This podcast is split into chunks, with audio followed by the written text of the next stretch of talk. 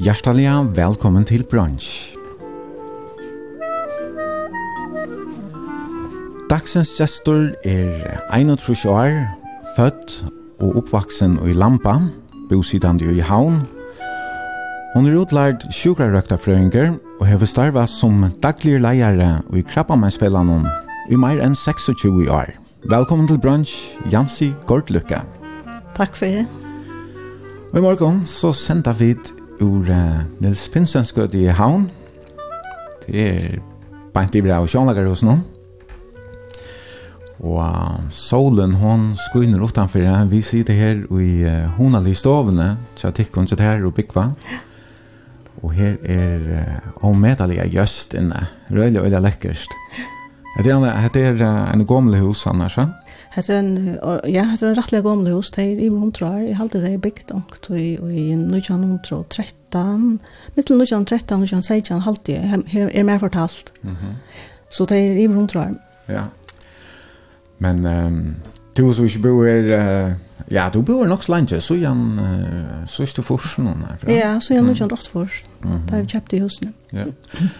Du tid har så just en en karnap. Omvæling, ja, en karnap vi uh, sprossa vinduon och det er nästan som man sitter i en havaståle. og solen hon skuiner in och vetchen er kvitter och loft er kvitt, golv är just, öliga lekkert gjøst og vinter er till alla söjer runt så man, man føler nästan man sitter i en havaståle nästan. Ja, ute i naturen. Ja, nemlig.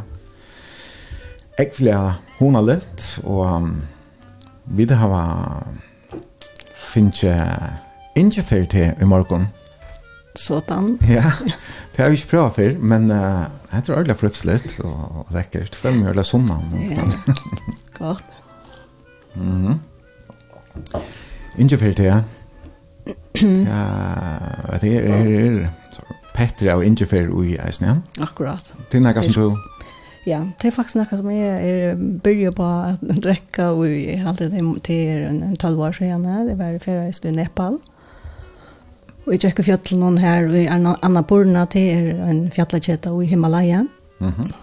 Og her ginko vi til fjallene sammen, sammen med vinkene som er, og vi ginko mittelen bygder, og så stekker vi da i muskom tehusene, altså til privatfolk som øyer til tehusene.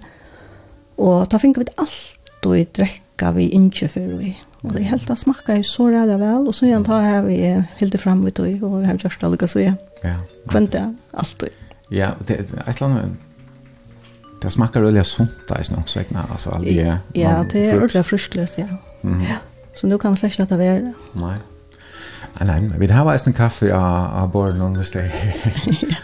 og uh, annet godt her er uh, frukter og nøtter og sjokolade og alt mulig lekkert. Og ja, som sagt, så sitter vi her i husen til her og, og mannetunnen, mm -hmm. Bigva, mm -hmm. og ja, tid har vi sammen i, i Noxon ikke var her. Ja, vi tar sammen 30 år, eller var 30 år, ja. ja. Og eier så ena døtter sammen. Vi tar en av døtter sammen, og så eier tvei underbøtten nesten. Ja. så nu er det bare tre enige her i husen? Nu er vi tvei ene, ja. ja. Men til det har også vært fem på et tidspunkt. Ja, ja.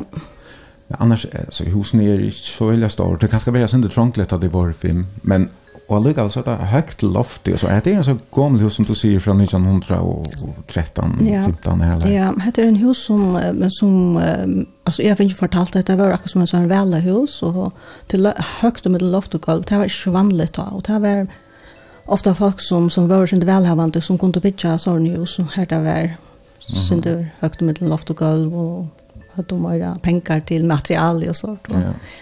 Ja, och så det byggt på i husen och tog ju tog ju det går så vi har en bit av köpt husen det byggt nya nätter så det blir mer rymligt. Mm. Och så har vi loft och vi här flyger kommer. Och här så kommer ja, och så har vi den chatlare. Mm ja, egentligen hon hade tog det där varva den här den gamla stolen, alltså kanappen och så där byggt ut det sprossa vinter. Akkurat. Det gamla vindarna. Ja, det gamla vindarna var också en sprossa vind. Ja. Du har några mindre av husen som du visste mer Janne. Ja.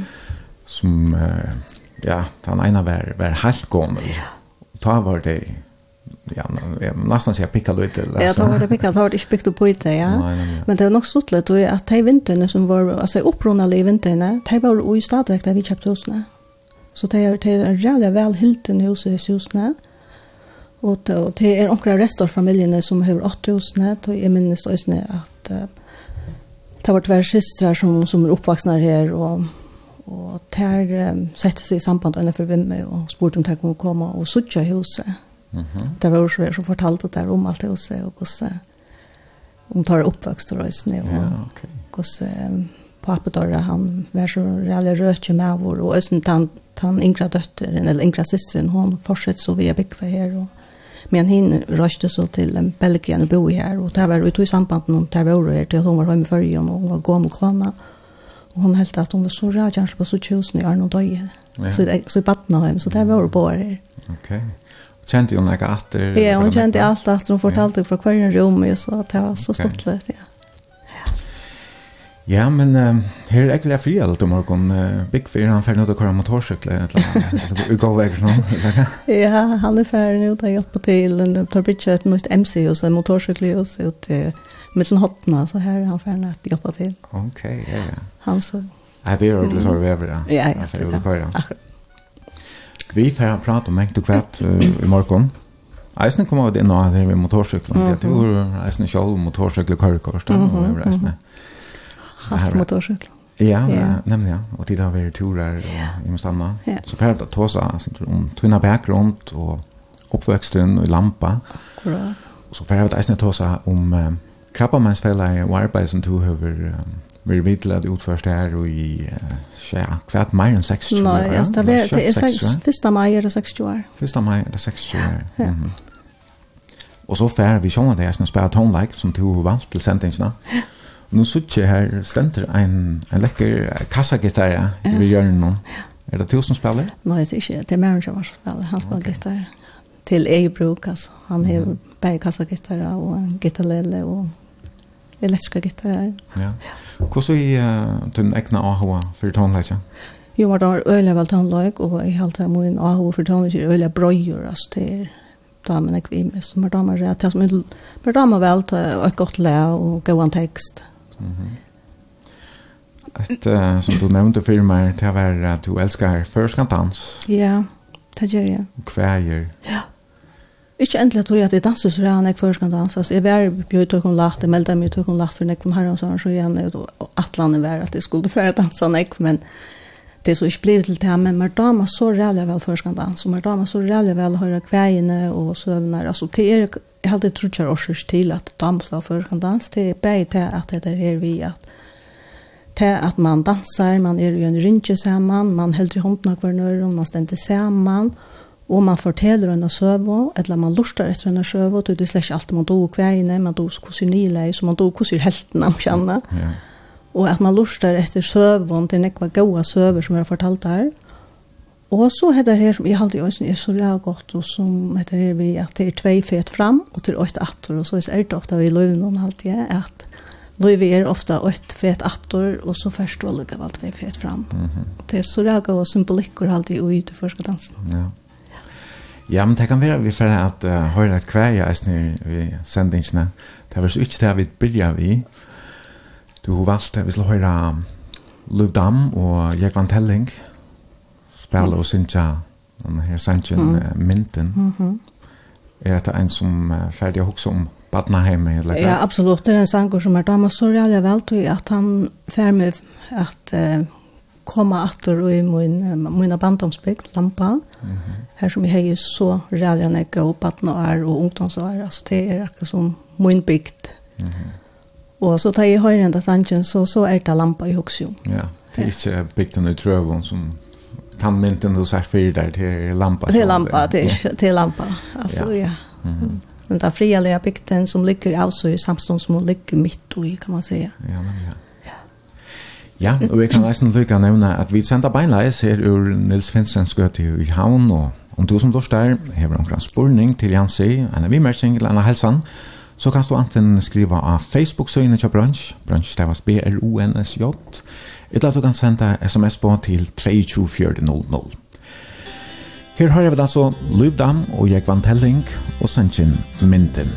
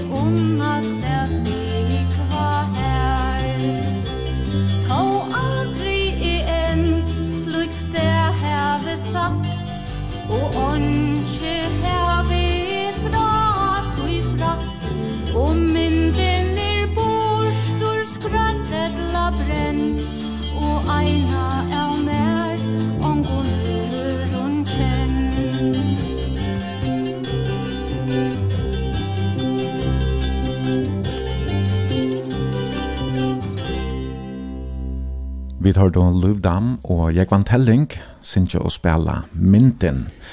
Det er Jansi Gårdløkke, som er gestor i bransje i morgen, og vi sender beinleis ur Nils Finsen gøte i havn. Du er standard, som du greide fra, Janne, at det er lampa, du er født i lampa, er Ja, jeg er født i lampa, og vi er fyra syskjen, og vi er alle født i lampa. Ja. Mm. Heima tja om og abba du? Ja, jeg og den neste søsteren er født av tja omma. Mamma og pappa til bygd og hus, og, og jeg er født i husen er tja omma dem, og så flyttet vi på en tatt var nian i husen, og da ble vi til ferdig. Mm -hmm. Ja. Og nå er han hundra åt sjus. Ja. Mm -hmm. Og som du sier, ja, foreldrene så der, de, de bygde så en, en, en, en, hus på en vi så i nå. Men du var snakket om du nu og arbeid. Ja, ja, det har varit att det husen är nog så tätt och det är ytter gjerre någon här som vi bygger. Mm -hmm. Vi bygger upp i gjerre, och det bygger ner i gjerre. Mm -hmm. Så ja, och så, och och så han det om og arbeid, de också shape men vi var det enda som, eller det var pappa som, som det enda som bor i Lampa, så det var naturligt att vi tog det jeg tilknyttet till om och appa, och om och appa, och pappa var sjåmauer. Mm -hmm. Så han var en borstor och så, så det var mamma som tog sig av och och Hun var en fantastisk person mm. men men så han det att det är ösn vi vi vi strutje känner så om och uppe det har ösn hjälpt till när chansen som hon hjälpt när till att ta emot och det har och det har du gör och det har du kick vi chatlar om och att mm. hönor och donner och allt skulle passa så så vi var redan jag om allt mm. allt det här löve som var här. Mhm. Hur ser det om om att du har på den? Ja, alltså om jag att Alberta går till och att jag menar, menar går till. Og mamma min har så slekt og klaksvøk, og oppe var så lampan. Ok. Og navnet Gordlykke? Gordlykke, ja. Hver stav det herfra? Ja, det stavar ur lampa, det stavar ur husen her som omma oppe koma, og det kommer fra lenkabamunnen som er Jakob Lammauke. Mm -hmm. Og nå er jeg så øyelig glad for mitt uh, et navn, og er så rævga ut det, og det kommer faktisk av søvnet, som ligger 18 for, for navnet. Og det var så snill Jakob Lammauke som fikk seg et navn, han... Uh, Det var tvær årsøkje til det at han brøtte et navn. Og en annen årsøkjen var at, at det var flere som Ida, Jakko, Lammauke og i Lampa. Så det ble ofte ikke feil av dem. Ja. Og, og, så det var... Ja, så det er postor kom og så. Ja. Så, så, så han ville gjerne skifte... Ja, nei, så, så, så, så han helt apostel kom ofte for kjæreste. Og så var det hin årsøkjen, det var tog at han... Eh, Han helt til at han var en oetnesmauer på mm tammaten at uh, altså, han kona sa att døye til bøttene var som Abbe var 12 år gammel til om att døye eller lenge om att døye og han tog åtte og böten som var og menninger der nøye, altså alvorlige menninger der nøye. Mm -hmm. det har alltid varit tve böt som det åtte som som døye, som små böt lydel. mm Og så åtte det øsne en av smagjento som, som øsne døye. Så han, han, han falt okay. akkurat som vårt kvart. Nå har vi hovedet akkurat som nå skal et navn ventast. Mm -hmm. Så nå nu jeg et navn til till Gordlycke. Altså, da, da brukte man de skåra. Ja. Det er du i gjerne. Og det er du i gjerne og gjerne her som vi bekva, så, så det var nok så nærlig kjent det at han er sikkert hoksan hva skal, hva skal dette navnet være som vi nå færre brøyta, og det har alltid faktisk vært godt vel til honom. Ja, og liker er det? Ja, ja. Alltså han han blev mer ett nästan. Ja, nej, det det var varit så inte alltså det om det blev det att han miste så en sån av skala för så att han att det men. Ja, ja. Ja. Ja. Och helt han drunkna i för ja. Så han var ja. Så men jag minns inte när jag längre på mig inte han flyttade, ta om och uppe flyttade till Lampar så och han ta bo så inne här så så honom. Men mm. han flyttade så till Våna till Mövvax. Mhm. Mm Okej. Okay. Till men, till en sån jag säger. Men det här vi um, att det ju man man måste säga Isla Patrick för att man man helt att det kan vara ett namn som kan kan bröjta det hela. Det är något som är var utbrett här i lampa. Ja, det är alltid. Jag har alltid känna mig att det går så mycket på att det är om att vi Patrik, vi är så fruktliga ringa Patrik. är det det? Det kom jag av, av särskilt av om och mån och Alberste. Alberta, ja. Hun var så där Patrik och det är vi faktisk ødler inne i halvtid och snö på appen og, och appen så det var et task. Ja. For, för andra utdragare så måtte han være i omkring renvorkon och Okej. Okay. Ja, og så alltså jag kallt vill i til väldigt viktigt Og, Det første kjaldre som man ser ta i ta i gräkarsmässa är att ta i kjaldren och komma etter hver kvar her. Ja. Alltså jag kjaldre vill i alltså det blir så rejält ingrepp vi kan mer att. Okej. Alltså vi liv alltså det man Ja, det det första kjaldre som då så här ta i kjaldren kommer komma att man så att det vill i så gånger är det där vi. Okej. Så så där har vi haft. Det har vi hört om. Inte. Nej. Särskilt du där bak så vill är det räka. Ja, men jo jo jo, vi har med av hört haft det. Så ja.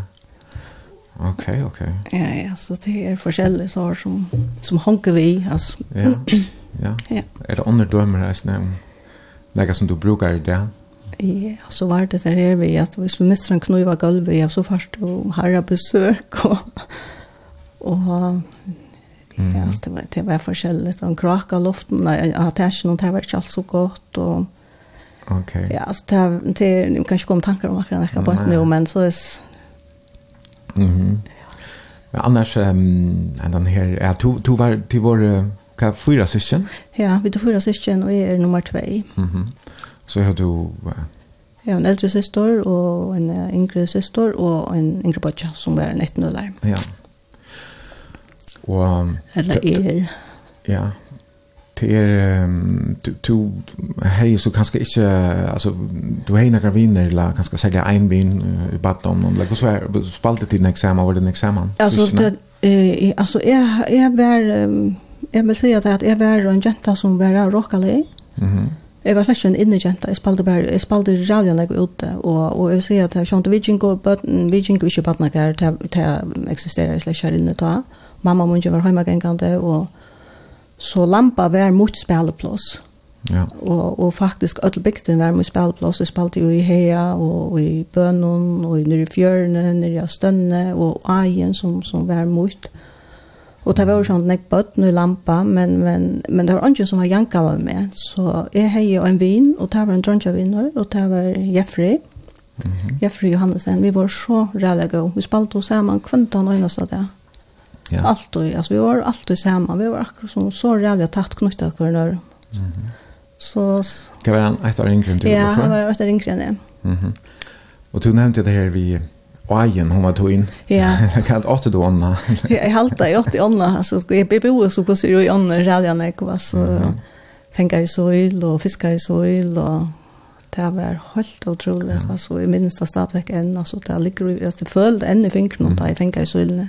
Ja. Ja. Det var vi hånd? Og det, ja, altså jeg hei bare i spann, og jeg fengar vi hånd. Det var en ek stør i ånden i lampa. Mm -hmm. Ikke bare makkapirer. Makkapirerne, der, fengar, der fikk man ikke fengar vi hånd, så der brukte man spanna til, så man litt støyna når opp, så kom der inn i spanna. Mm -hmm. Og så har man noen store æra spann til å køre der nere i, og så er det så store søylene som man sa svimja, og det får under bakken, eller får under en større støyn, og så leier man seg av bakken, eller av den større støyn, og så i henter noen in en understegne sperkelig, og så tørket og søle. Åh, oh, det var en fantastisk kjensle. Du følte det? Jeg følte det enn i hendene, ja. De store søylene. Og så... Hva gjør du så vidt det? Ja, og så har jeg en stor hel som jeg har hei gjørst mer oppe i en av sjøy og alt det til til ånda som renner seg om bygdene som er i midten av her. Så her har jeg demmer mer en stor hel som er kort i alt søylene. Jo, hei en av rikva søylene der. Ok. Ja kom faktisk Och så kom og bøtten, att linne bötten att hitcha det eller så som det som jag det var en jättestor hill och det var bare tjukt av så hillen och snillen. Gav vi lykken, och så är det där fåglar te finger fri så altså. alltså. Ja, lyckor var det säkert här lykker, det var röna vad lykker, tar i tøyne. Men jag hade inte, nej, jag hade inte att det var så så så det hele var också på også. Ja. Och annars blir det kan bli nøkker av näten alltså det står så illa. Nej, slett ikke, Och at onkan så illa slett ikke, nei, så tar tar så så släppte ju selv själva det steget och tar i tar i sommar var liot så så släppte ju om annat jonna. Och som är sig kväll onkel nian och nian i hejan då vet onkel ut minns det att vi får nian i hejan av fänga så illa. Mhm. Här var det så illa uppe i jonna längt uppe i nian mot större fjäll. Ja. Ja. Du var snägg vi här nästan här så ja. var det Abbe du han var rökningar med. Abbe var rökningar med vår så han var rökningar med vår tja böntan under lampa och han var ösne vita passare till vita om Johannes. Mm -hmm. Så jeg var omkring vi honom ute av vita noen, ikke så ofte, men til var men så ta han tjekk nekva var. Så var jeg omkring i vi honom og ta det kom hem efter och rattna så var jeg alltid här klar att hjälpa till og ta det för att flätta så var jeg pjoj og vaska vemper, vaska rocklackan og mm. så ta ja, så ja. ja. Så du var näck på ju och hjälpte till. Ja, var öliga näck vi og i Ötlån og var de till ralja väl. Men de till oss ralja väl över pjoj og snakka med folk och mm. her som där vi hände näcka. Det er det var rätt stort lite och det ikke som sånn særlig stemning, og sånn feststemning, og alltid særlig särligt att ta i fjallene, fjallene var gynchen det var så nek folk, alt vi rattene, og mennene får inn i, inn i kjattlarna fletta, og det var stått litt av pjoj, og, og så fikk jeg vemperna, og så får vi til i ånda skåla vemper, og ja. Og så var det akkurat at, altså, tid hadde jo ikke bil. Nei. Men, uh, men til dømes at du skulle i kyrkje? Ja, vi var i kyrkje kvendan øynast sondag, vi om og appa. Kvendan øynast sondag, vi tatt ikke, vi pappa ikke korgårst, og han var så, sjående sjåmer, var ikke slett ofte høyma. Mm Men men det, alltså, jag har ofta hooks om det där. Det var en märvor som är pitte pitte i dalen och kallar vi det. Han har ju en buss. Alltså han körde i också i kyrkjo. Att vi så han körde jag också bygdna och så stäcka jag av så vi runda över vägen och så får vi då på i där bussen så körde han också i kyrkjo och på efter hon till vid för i kyrkjo så körde han också hem åter. Jag har hooks om det att han och vitt kvart.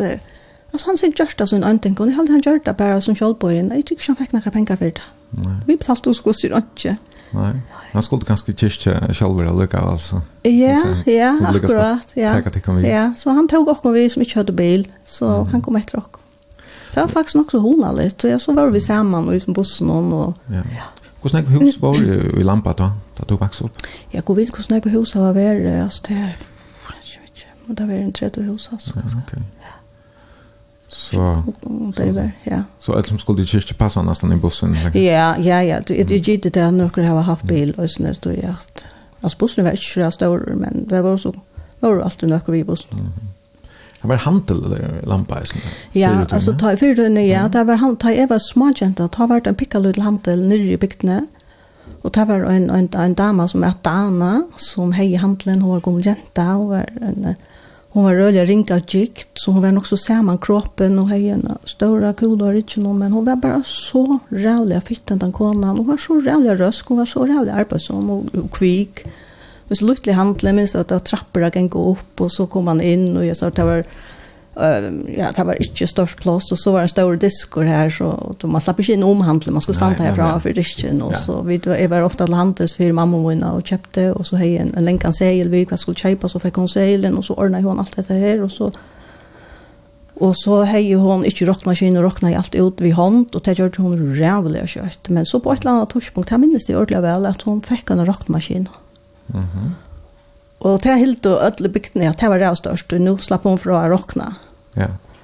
Men det var inte hon helt det då att hon begynte det hon jo hon kartade det inn, og så går hon rocknade det vi rockmaskinen men hon stod ikke på rockmaskinen hon, hon så rocknade jo vid hånd själv att han så lika checka det var rätt. Ja, ja. Det var nästan väl väl det var nog stått till det. Jag tog klart pappen pappa den Samuel Johan Gortlycke han var skipare ja. Ja. Kvar kvar sålde jag mig. Han har skilt det sålt min kvon alltså Omma min, hon var syster till, eller dotter Christian Grodnon. Så utanför støyna så er han silt vid Tøymon her norr i Klaksvøk, vi Klatje, og man vi Palla Rasmussen som var bortgjøl om henne. Og så har han her skip, han har også en skip, och så silte han stranden i Nekko her, og så fikk, kjøpte han seg en, en forstansar her, Kjolvor, som er et grunninger til han heier i Nekko till til han ble pensjoneret vår. Okay. Og så igjen tar hever han, altså pappmoen er sjømauer, og sjømauer vid Stauron S, så han, han damer vel å fiske, og det gjør han stadigvæk. Ja, hvordan gammel er han ikke? Han er nødt til här nu nå, han er rævlig raskor. Og han får jaunan av flåten? Han får jaunan av flåten, ja. Tar det godt vever, så kan han ikke lette være, så får han notere ordentlig og godt aldri. Mm -hmm. Ja, så, så får vi fisk og... Ja, nemlig, ja. Ja. Og hvordan er han, var han nekk bort der, altså lengt tog jeg skal jeg si? Ja, det var han, og jeg minnes, altså, jeg minnes ofte til at hvordan stemningen til åkken var til han for oss det, det var ofte ordentlig kjeilig stemning i sjokken. Det var kjeilig til han før, og, og da han kom hjemme og trodde man, var hjemme, bortstånd trodde man, så kom han hjemme, hvordan glede vi var, og hvordan stått det var. Og, ja. Da han kom hjem, så jeg gjør omkring som vi henne, for jeg har flått ved henne, eller sitte og sitte i gøten, eller Ja. ja. Mamma din, Olga, hon var nok døpt Heinesen, ne? Hon er Heinesen, hon var fra Vierøye. Ja. Hon lever så ikke. Nei, hon døg i 2002. Ja, ok. Ja, akkurat på meg. Mm. Ja. Men hon var via dig som ja. du säger. Och här var stå eisen som. Ja, här var det nek, altså her var det ofta i ferien, och särskilt sommarferien. Och, och det minnes det alltid, hur så fantastiskt det var att komma till via Vierøye, Särskilt alltså efter mynden av er jag ta det första åren som småjenta minnes det att ta mot man ta var brickven inte kommen över om och mitten mitten kvanna sånt och nordeppel så ta alltså ta mot man cykla från Klaxvik och alla vägen till kvanna sånt mm -hmm. men så så ta vi vi vi brickven kommer över om så så tog vi så bil. Alltså vi måste cykla från från Lorvik till Klaxvik och så från bil bil vi Klaxvik levererar så tar vi kort och vi bilen og i minnes så vel tar vi det der svinje som er man kommer til bygdene bort ja. så tar man ser bygdene man ser nye vi er altså det var i minnes altså det var så fantastisk det var så flott ja. hver jeg og jeg gledde meg hver jeg fyr tanturen av køyre og suttja det var ja. Nu faltas bygden ut for øynene det var bare så helt utrolig Ja, ja. Här var det, eller här är det resten, ajer och här kan man säkert resten fänka så Och... Ja, ja, och, ett, och vi spaltade när vi ute här och jag plattade, och då jag vi, Abba Möjnan, han plattade flera luntar, så plattade jag förra vi. Mm -hmm. Och han var inte alls så glad över att vi var vid, vi var, eller jag var faktiskt också djärv. Så, så jag höll inte till affära klintra, det var dumt om hon inte. Och, och, och, och, och, och, och, så och i fjörn är här till till bo och till ötre östra Örsvik om och upp till er hållt här nere vi vi vi vi stönna som som väntar mot fåglötne och svinnötne ja. Ja. Och i svinchen hon det är ständigt ett ensamt hus så det var huset jag om och appa. Så vi var näck nere i fjøren här och här akkurat som man synte var berge og snö nian fra fjøren, och här platt vi vita klintra. Mm. Så jag har ofta ilt på pushen det där och halt typ alltså att man man man gjør det noe som var nok så farlig. Ja. Ja, ja, du var, du var så det ute på at nästan en sån det som man kallar för en transagenta eller sån spalt ganska sånt sån vittlare spöl en Ja, ja, jag tror inte slett han kör in ett omspel dukker, så det tomte slett ikke, det minns også är ofta pappa tar tar för tar tar kom hem så før tar jag säljer fisken tar tar skilt till Portugal och så kom tar hem åter och ta han han köpte mer bilar spelare. Ja, okej. Okay. Ja och hinna sista att jag fick dockor. Nej men jag hadde visst for å spela en sanka teater om vi får vi prata om. noen. Du valde när man går on like. Ja. Ehm med Lanna så du valde att när vi skulle höra Leonard Cohen. Ja.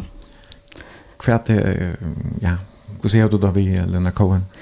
Alltså Leonard Cohen är min undlings han den första plattan som jag åt det var Leonard Cohen og det er Nikve Sanchez og Lina Cohen som er gode, men hesten her som heter Anthem, han damer meg så redde vel. Ok, når, når har du så kjøpt det första platene av Lina Cohen?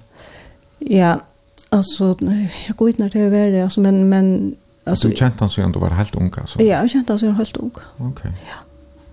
Og akkurat hesten Sanchez sier du Anthem? Ja, han sier meg så redde, du, han, du vet det her vi, at there is a crack in everything, that's how the light gets in. Mm -hmm alltså alla stannar här som en spräcka är här kommer ljusen. Mm. Och det hade jag er så rädda seende.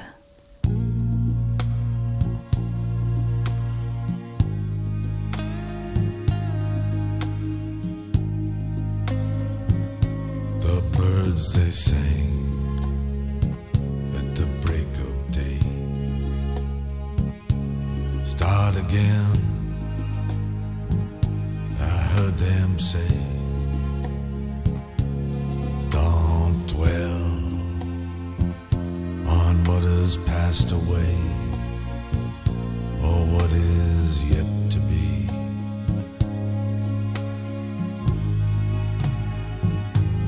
Yeah, the war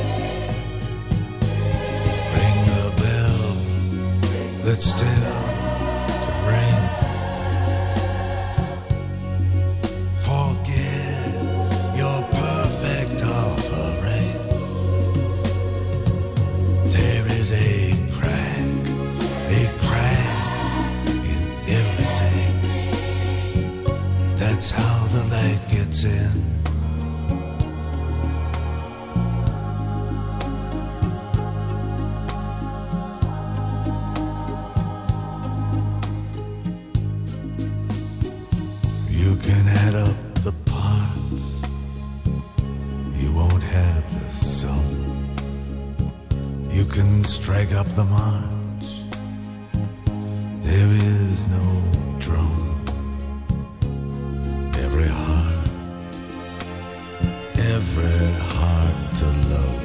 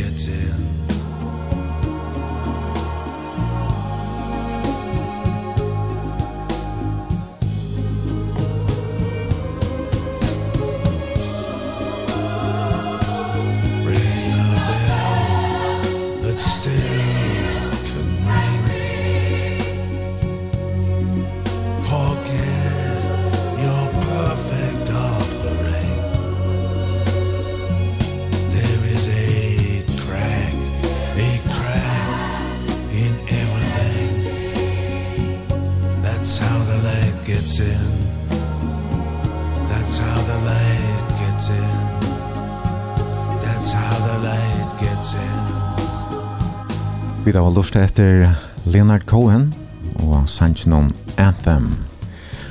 Du lust etter brunch, og det er Jansi Gordløkka som er gestor i morgen. Og ja, her kommer det kvoss for nekk jås her inne i stoven her som vi sitter. Deilig just. Mm. Vi sitter nemlig nere i Nils Finsens gøte og vi um, Mona Listovne, så Jansi og Bikva. Bikva. Og her er vindeie, alle mellom noen makken, til alle søyer, og solen hun skal inn, og jeg sier, Jose, kvite stovna. Så, ja, Lena kåren. Her er morgenen, her er morgenen og en sprekka. ja. Nemlig, ja. Ja, men ja, så vi har pratet sånn om uh, oppveksten så der, i Lampa, och mm. platteferast i uh, og, og, og, og, Og du får i skola, så han ja, det, ja. i første flok, og ja. det var kanskje helst ikke akkurat aller, aller stortligste. Du var der sånn ute på at nå, ja, tomt du kanskje ikke vel sitte inne i et eller annet Nei, tomt slett ikke vel gang skola. Mm. Nei. Nei, vi gikk skola, altså det var, ikke, det var skola i lampa, men her gikk man så ikke skola, så den skolen var nylagt og og i munnare tog jeg hos her, så vi gikk skola, glever rundt her først og teg årene, og så får vi til Søltafjøra gikk skola i nøkker og så får vi ut av det glever og så lurer hun av ikke her i fremmedstølt. Mm. Ja. Så du skiftar sånt där. Ja. Alltså fram. Ja. Men du fick ankra ankra goda vinkoner. Ja, alltså ta är minnes är minnes så öliga väl första skolan där. Ta skulle man standa i rettjon ute i skolagärnon, att det kvar flockor så här. Och då kom jeg standa ved synen av en agento, och vi fikk opp så rälliga och egna kontakt på en av vägen och ta klicka i samman på en av vägen. Och det var ett nytt Hon var fra Fondsfyrre og er lampa. Og vi var vinkoner, og vi tar vært av Lukas igjen. Så hon er min gode badnåsvinkone. Mm -hmm. Så jeg har, jeg har nekva vinkoner, men det er tvær som er særlig gode for meg. Og, det, og hina møtte jeg, så tar jeg for i HF i Høytlån, hun er Øyde Jonas. Så der har jeg fyllt meg tjøkken, ja. løyve, bæg, tjøkken, tjøkt og tungt, som man sier. Ja to etni ta ta klikte på en tekar mellan är det dess inte samma typ eller kan Ja, jag gillar vi vi det var det rockaliga på ett och de tror alla väl att att att vi är om det över ute och och ja. Och för för grint alltså. Ja, det gjør det nämligen også ja, det det var vi var och vi vi opp också fick jag veta att det var grint arme vi kom skola och vi funnes för det og vi skulle til eksamen, skriftlig rundt. og vi så to her og rundt og det var rockning og vi skulle rundt og rockna men altså vi tatt og rævla lite bintende til å sitte her og rockna vi så bare hukte på hva jeg hva skulle gjøre så løtte vi bare alt fra åkken og for oss det og jeg minnes også ytterligere lærere var det var oss mot lampa til han det var til nekve lærere i lampa så jeg har nekve vært av dem lærere nå no vi tar då han i rockning och han var så rasande i året har vi for oss det. Mm. Men vi lät honom skjuta vi for oss det. Alltså vi tomla och inn til fondsfyrer, och så i grint. Men var det så att ta av överna at man fikk fruit att det var grind? Jo, men det var nog att det att att det var rönta, att det var akkurat vi var liksom ju.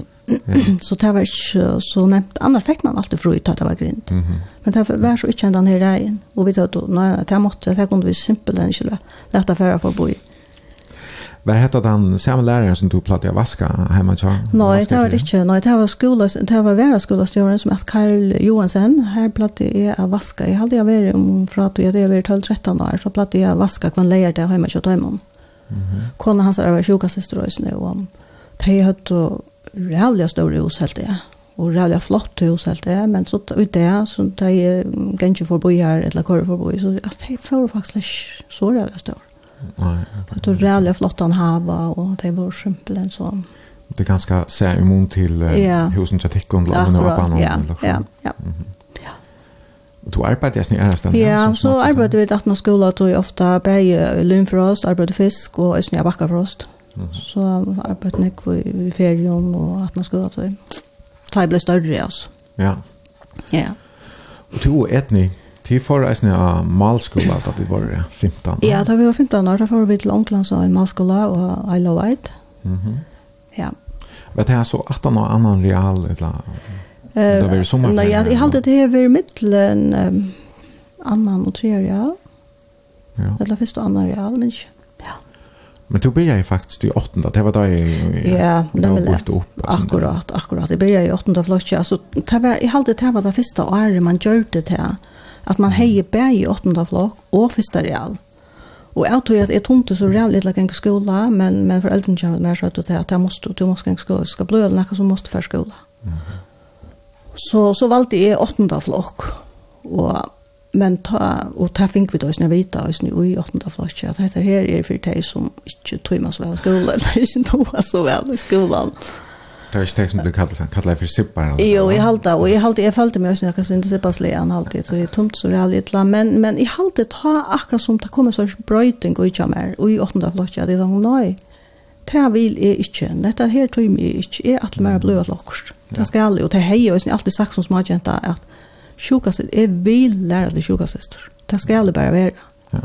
Og, og for jeg kunne blod at jeg som nøyest i Østnegeng skola, mm Så du börjar jag om att Så börjar jag om att år efter och i första real. Ja. Ja. Och så togs du ja, så du tänkte att du kunde ett år långt ju för att skolan. Ja, nämligen. Men du fortalte mig här snyggt jar eller det förra dagen vi pratade oss om att att um, du är alltid helt själv att att du inte dotter när i skolan. Ja, nämligen. Men, Men du møtte en lærare for ikke lenger tid siden som... Ja, det var faktisk øyelig avhåverst. Altså, det er... Altså, mer og mer han verskfrøyngår, og så verskfrøyngarfella i heldig til bort her i nærmere kommunskolene. Ja. Og, og hvert dag, hver jeg åla søk og hever, hever verskfrøyngarfella i åpig hus. Og så færer vi alltid i her til, akkurat som måtte ha hatt av bunken til åkken og Ola søk og færer vi i her til, så rævlig hun litt. Da møter man ikke om folk, prater vi ikke i minst folk. Og nå kommer en bæver til meg og setter seg så i søgene, og så sier han, to, to, øyde du, to, øyde Jans i Gårdløk, sier jeg, ja, jeg kjenner til ordentlig vel, så kjenner meg, ja, jeg har vært lærer til det her. Jo, da sier jeg, det myntes jeg slett ikke. Han er Bjergsi Johannesen, altså han er vært vikarer, han er ikke lærer.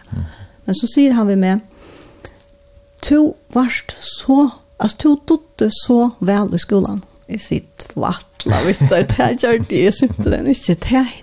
Du tek feil, du tog mine vinkene som er til hun, hun tog det så vel. Nei, nei, henne var ikke godt hvor han var, men nei, nei, det er to jeg mener vi. Jeg minnes det så vel, jeg har minst det lykkes så igjen. Og det var faktisk så rævlig godt å få høyde. Mm. Alltså jag var så jävla glad för det att, jag bara gick och helt det att jag dotter ju inte skolan och jag vet inte till skolan. Det hade någon så här kärliga mynda, kjolsmynd ja, ja, på skolan. Ja, nettopp. Och det det bröttes fullkomligt så att sån jag var att han har så. Ja, det var inte ju något bröttes men alltså jag fick också ju akkurat som jag sa lite här glapp kan man säga. Så det var jävla glad för. Ja. Nog stått lite där vi att varför mynt man över alltså själv och ja. och kvar kvar spår andra människor kunde sätta och i Lövetjön. Mhm att han han gjorde något gott för mig då. Ja. Hur var det annars vi alltså ökar du när kan utrast eller när så det flyttar ner? Eh alltså jag gick i stök men jag var helt inte en jenta som tömte till så där väl. Vi gick ju stök filmlöka. Ja. Men jag hade jag hade ju bara mer sin klass till det men de det bättre andra råkast ute och vara i fjällen och Mhm. Så men jag gjorde det jag gjorde neck var i stök. Ja.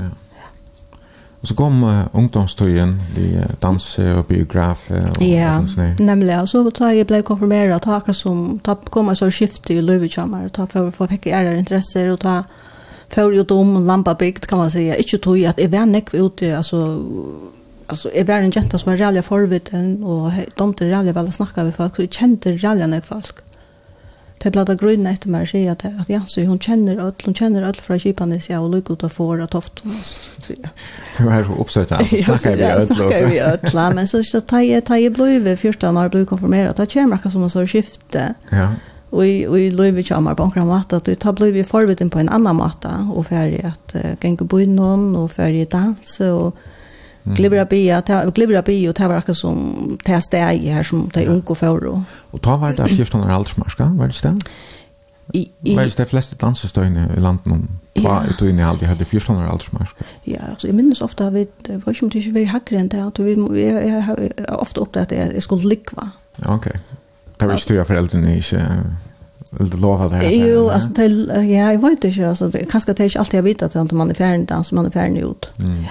Så vi gikk i dans i Glurabya, og var vet, og, og, og det var noen ung som høyde bil, og så man får nok så boja. Man får dans i Glurabya, man får til Fuglafjær dans, man får til Strenter og dans, dans og man får uh, etnene skala... Øyrabakka. Øyrabakka, ja. Mm -hmm. Og jeg minnes vi platt pratet køyre bil, og halvt kjøp, altså det var noen ung i bilen, altså vi søvde på hver nøyre, og ikke sikret til, og ikke nekka, altså det var, det var bare tråkene i som bilen. Mm. Ja. Ja. Ta hemma ju så kaféer och och vershus och så. Ikke så. Nei, nei. Bilen blir ofta kallad för Rotlande barer. Akkurat, ja. Man hadde ju inte vi drukket noe särskilt. Ja, skål, det hade inte. Nej. nei. Men ja, det var det var. Jag kände när gosse drunken har sig just där. Ja. Men bilmentan hon var ju Hon var ju skudfarlig för sig. Ja, akkurat. Og hun var særlig i Öströtna. Så jeg tar var hos några vägar affärer. Mhm så så det och det är alltid tilltäck alltså estringar har kost neck kost ja. ja. Men spelaren så de han var alltid tilltäck när Ja. Jag la tror jag. Jag la Berna. Pinta vi. Ja. Kolörst om per. Akkurat. Ja. Ja ja.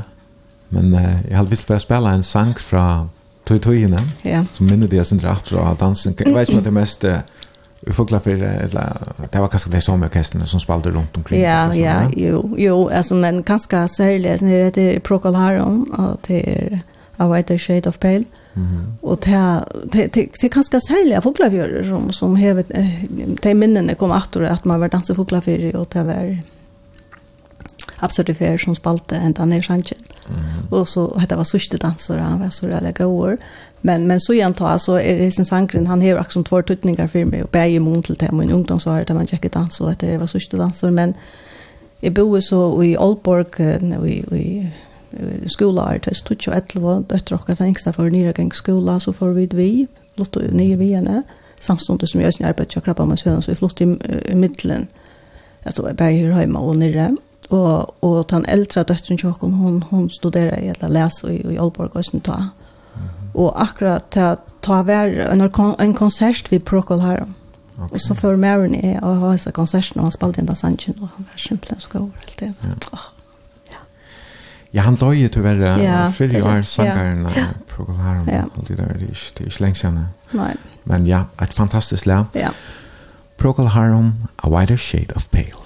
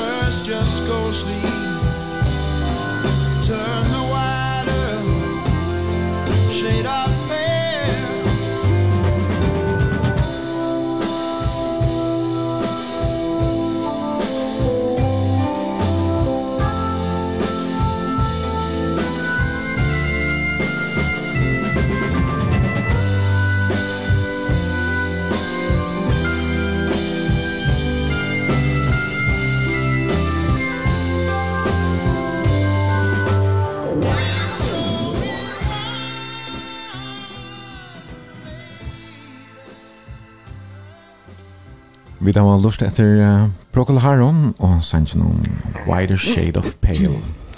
Det er Jansi Gordlykka som er gestor i bransje morgen, og vi sender beinleis ur Nils Pinsensgøt i Havn. Og vi sitter her, og hun har kommet vi ingefær te og kaffe og frukton og myrskar sjokolade og alle mulige lekron. Og da skal det gå om tonleitja. og det er nek som har skriva til okken og Facebook og Eisne og eh SMS-skipene. Vi tar oss syndrom at her, Janne, vi, vi Patrik, er en som skriver, «Ikke løye at Jansi er fotler av Patrik. Ommebadjener og klaksug var eisne fotler av Patrik. Han var en kjente maver, en råkskibare. Eisne er etterkommer han sier at det samme at her er nøylige kommer av klaksug ved en nødjon og staselig skip. Det må være Kristian Råkene. Ja. Så det er noe som Nu lite familjerna. Ja, oj, ja, det kommer det ska nog komma härifrån. Ja, jag har alltid alltid en showmans mentalitet ja. Ja, ja. Ja, man skulle göra tingene rätt där för typ bara rätta maten. Exempel ja. visst. Ja, ja, ja, det är äntligen att uh, sända bimmärkningar, spurningar eller hälsan här. Sms-kiparna, eller Facebook-synet, eller brunch. Vi tar pratat om uh, vattnarna, tjatar och kom fram till ungdomsårene, ja. är du med landa på det til fågla och höra absolut fjärrar spela den här mm. Wild shit of pale mm. som uh, sista dans ja her møtte du så ganska eisen till uh, første kjeitje. ja det gjorde det. men den första den kärlega mm -hmm. men den første förälskelse ja. Jeg ble øyelig forelsket. og den, ja, Og vi, och ja og så tar Sjåan dette her, man, legger, man legger planer for løyve, og, og tar man kjemmer i ungdomsårene, så får man dreimer for hva man atler og hva man vil, og, og man hokser, jeg skal, at dette skal jeg, og, men det er ikke alltid det gonger så som man, som man atler, eller tar planer som man heier. Ikke tog at det pjøst ikke være noe verre for tog, att man man sätter ofta ut i korset att hända vägen ville färra men så i korset blir man tröster ut och en annan väg. Det är som första dansen du tar seg om. Man yeah. måste skritt fram og rett rätt att. Ja. Men um, det la så inte noen til att jag skulle bli på vägen. da, men det blev jag. jeg blev på vägen i, i, med en i tjekk och i Triarial. Och, ja. Så du var en alvorlig ung mamma? Ja, det var det. Så jeg var inte fyllt 18 år til jeg åtte Remi, som kommer. Mm -hmm. En døylig drong. Ja. Ja. Men men pappen kör remme ju är skilt och så att han att och vi skilt så att han att han var född Ja. Ja.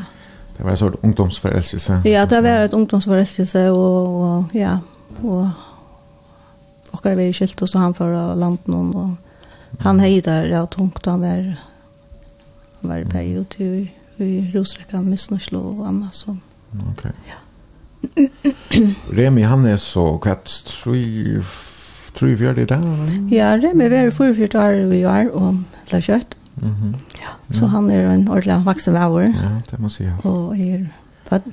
Ja, du bøtten til er et vaksen, og jeg har ikke nevnt, men du er vel, hva er det, åtta ommebøtten? Ja, jeg har jo åtta ommebøten, åtta ja. døylige ommebøten, og, og tvei er av jeg som kom i sommer, så det har vært det i Tutsjo, så det har vært, ja, det har vært, så man er ryka hvor vi, ja Det är bonus av hela mamma ja, Tulja. Det, ja. det, det är tungt akkurat att det händer men... Jo. Men du är ganska färre för den att nej. Ja, det är akkurat det. Det är den. Det är så stort lätt, ja. Mm -hmm. Hölsekurs, ja. Men du flyttade så till Havnar, då, han? Att hon har... Ja, så så att när det är alltså så sjön det tar tar väl häst ner ta tröskn och mer att en vil vi ska och må och må bliva när nu har vi fincha barn och Og jeg, jeg, jeg vil gjerne få en god oppbygging, så jeg kan få skjønne med noen badne. Og så får jeg til havnere gjennom skolen, at da kunne man ikke gjenge frem et eller annet, at kanskje har flere student inne i Estrøytene, som man kan i det. Så jeg var nødt til å få til havnere og til høytalere gjennom skolen. Ja. Og du valgte HF? Og her valgte jeg HF, og jeg årsøkjen til at jeg valgte HF til sikkerhetsvirkning var bare det at her var at det her vi at att det är för studenter kanske helt det att det kanske är kanske för svårt för mig men men HF tar så kost ju nog för jag kunde släppa in i sjukhuskolan det har jag alltid haft en dröm om att släppa in av sjukkastskolen. mm. och det har varit några orsaker till det att vi att vi alltid haft den drömmen. Ja. Men jag också HF kanske vært några att jag gör att at ta en man synte mer frukt stilla jeg har hade man har lucka när man möter skilt och så så. Jo det har alltid vi tatt då. Det hade det då okej. men man ska ju upp i öllon til, till prova i öllon faktiskt Var det ikke årskarakterer og sånt? Uh, nei, det har ikke. Det kan være at det er brøtt. Ja. Men, men Remi, han, han var ikke omni og appan Ja, han var lampa, ja, til mamma og pappa, eller særlig til mamma og til pappa var nek bostur. Og det har vi vært forferdelig takk som fyrir, jeg er ikke klarer det utan deg. Og, men, men det har vært alt og, og, og, og avtala vi deg, at du teg vil du sjående i østen til at jeg skulle få en utbyggving og ja Så så så är var i havn och är vet nu vinkorna kommer vi bo så samman men men är rost i näck i mitten. Ja, alltså vi skift nu. Att vi skift nu mitt i veckan och snö vänner kvinna i lampa. Okej. Och så där vi vi hur ska du vi buss eller kan? Nej, man man tar bara i mitten havna och och, och tofter. Ja. Ja. Var det kvar det tröntor eller kan det till det här då? Ja, tröntor, tröntor, ja. Okej. Ja. Så man får in i alla veckor. Ja. Ofta bultra litt vart. Mhm. Mm ja. Och så annars låg vi i havn. Ta ta kunt man så för dans höstkväll. Det var ofta det som kom av big till havn. Det det för dans höstkväll och så får de hem till familjen. Akkurat, ja. Vi får dans höstkväll och söndagkväll ta ta gjort man ta. Da man kom efter där. Ja, ja, ja, då får man dans i höstkväll med är allt om så rörde väl att dansa så så det var verkligen stort att komma släppa dans. Det var kväll då till Ja, det var kväll då och så klubban ja. Men du blev så förälskad efter att du kom i Höjdala, ja? ja? Ja, så da jeg kom i Höjdala, tror då mötte jag, mötte jag den mannen som är så blev gift vid ta.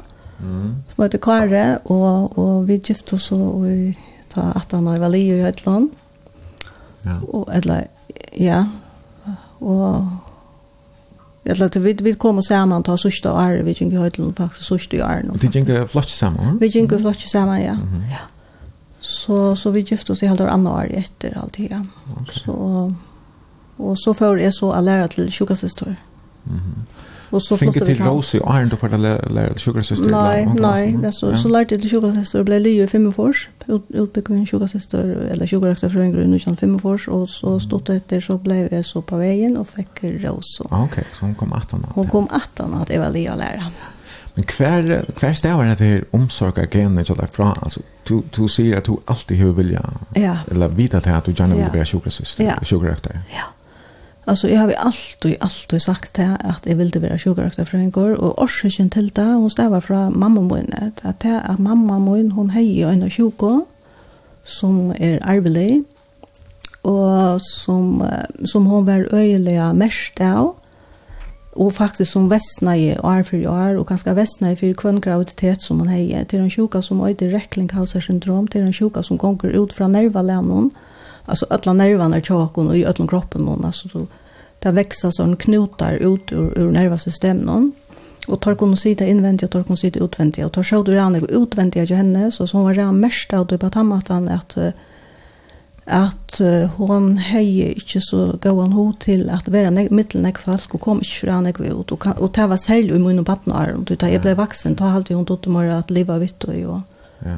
og så er det er ikke stu førlegane det var meira slett altså, over høverst slett, slett henne førlegar det var meira henne utskjønn som ja. brøttes da og, og Og jeg tog alltid så rævlig sint og igjen. Jeg heida rævlig ringt vi at hun skulle strøyast vi hese sjukene. Så, og jeg har akkurat som en sånn brennende langsel etter at jeg kunne hjelpe henne. Ja.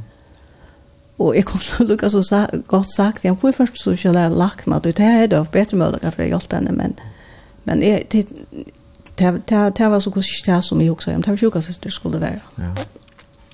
Det er, jeg kanske skal være en sån större bit jag skulle ha klart alltså det här det tar en flyer år och ja ja akkurat ja ja säkert det är kanske nice nu som det mer för ja. nej vet jag ja Men du fick så hjälp den ja du plejer gärna ta ju hon. Eh, Alltså ta jag så så blev jag sjuk att rökta för en så så så fick jag så möjligheten till att att ta test i att för att lackna vi henne och och få att att hon kom till få tiden det var som knuten och borstor och jag var ofta vi henne i Danmark.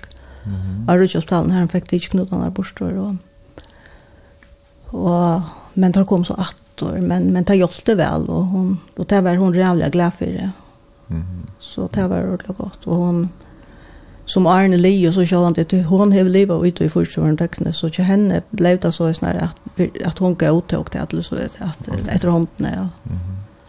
Så tar hon någon lite vi alltså alltså lite där alltså lite ja. Ja. Och som du grejde för så døg hun av krabba meine.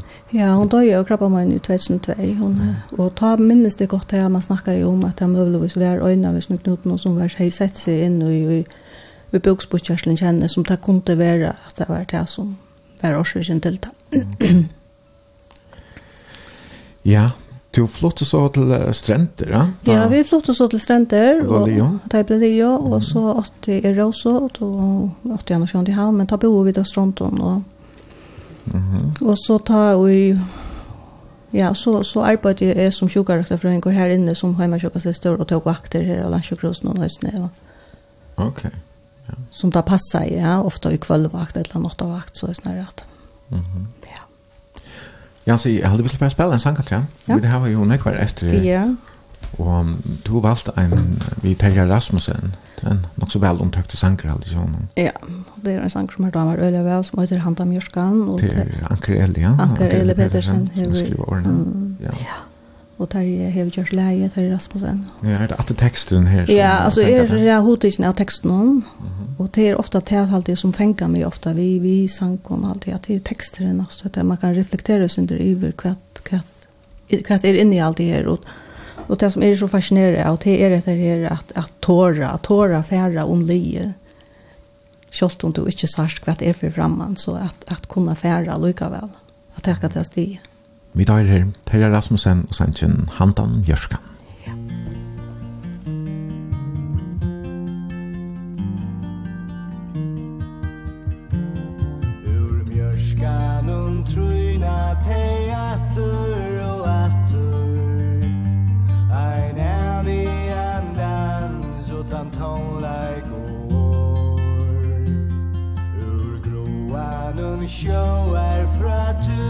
sunt az fetum Mem da generai Ongar slower og skor Og tagen in a sing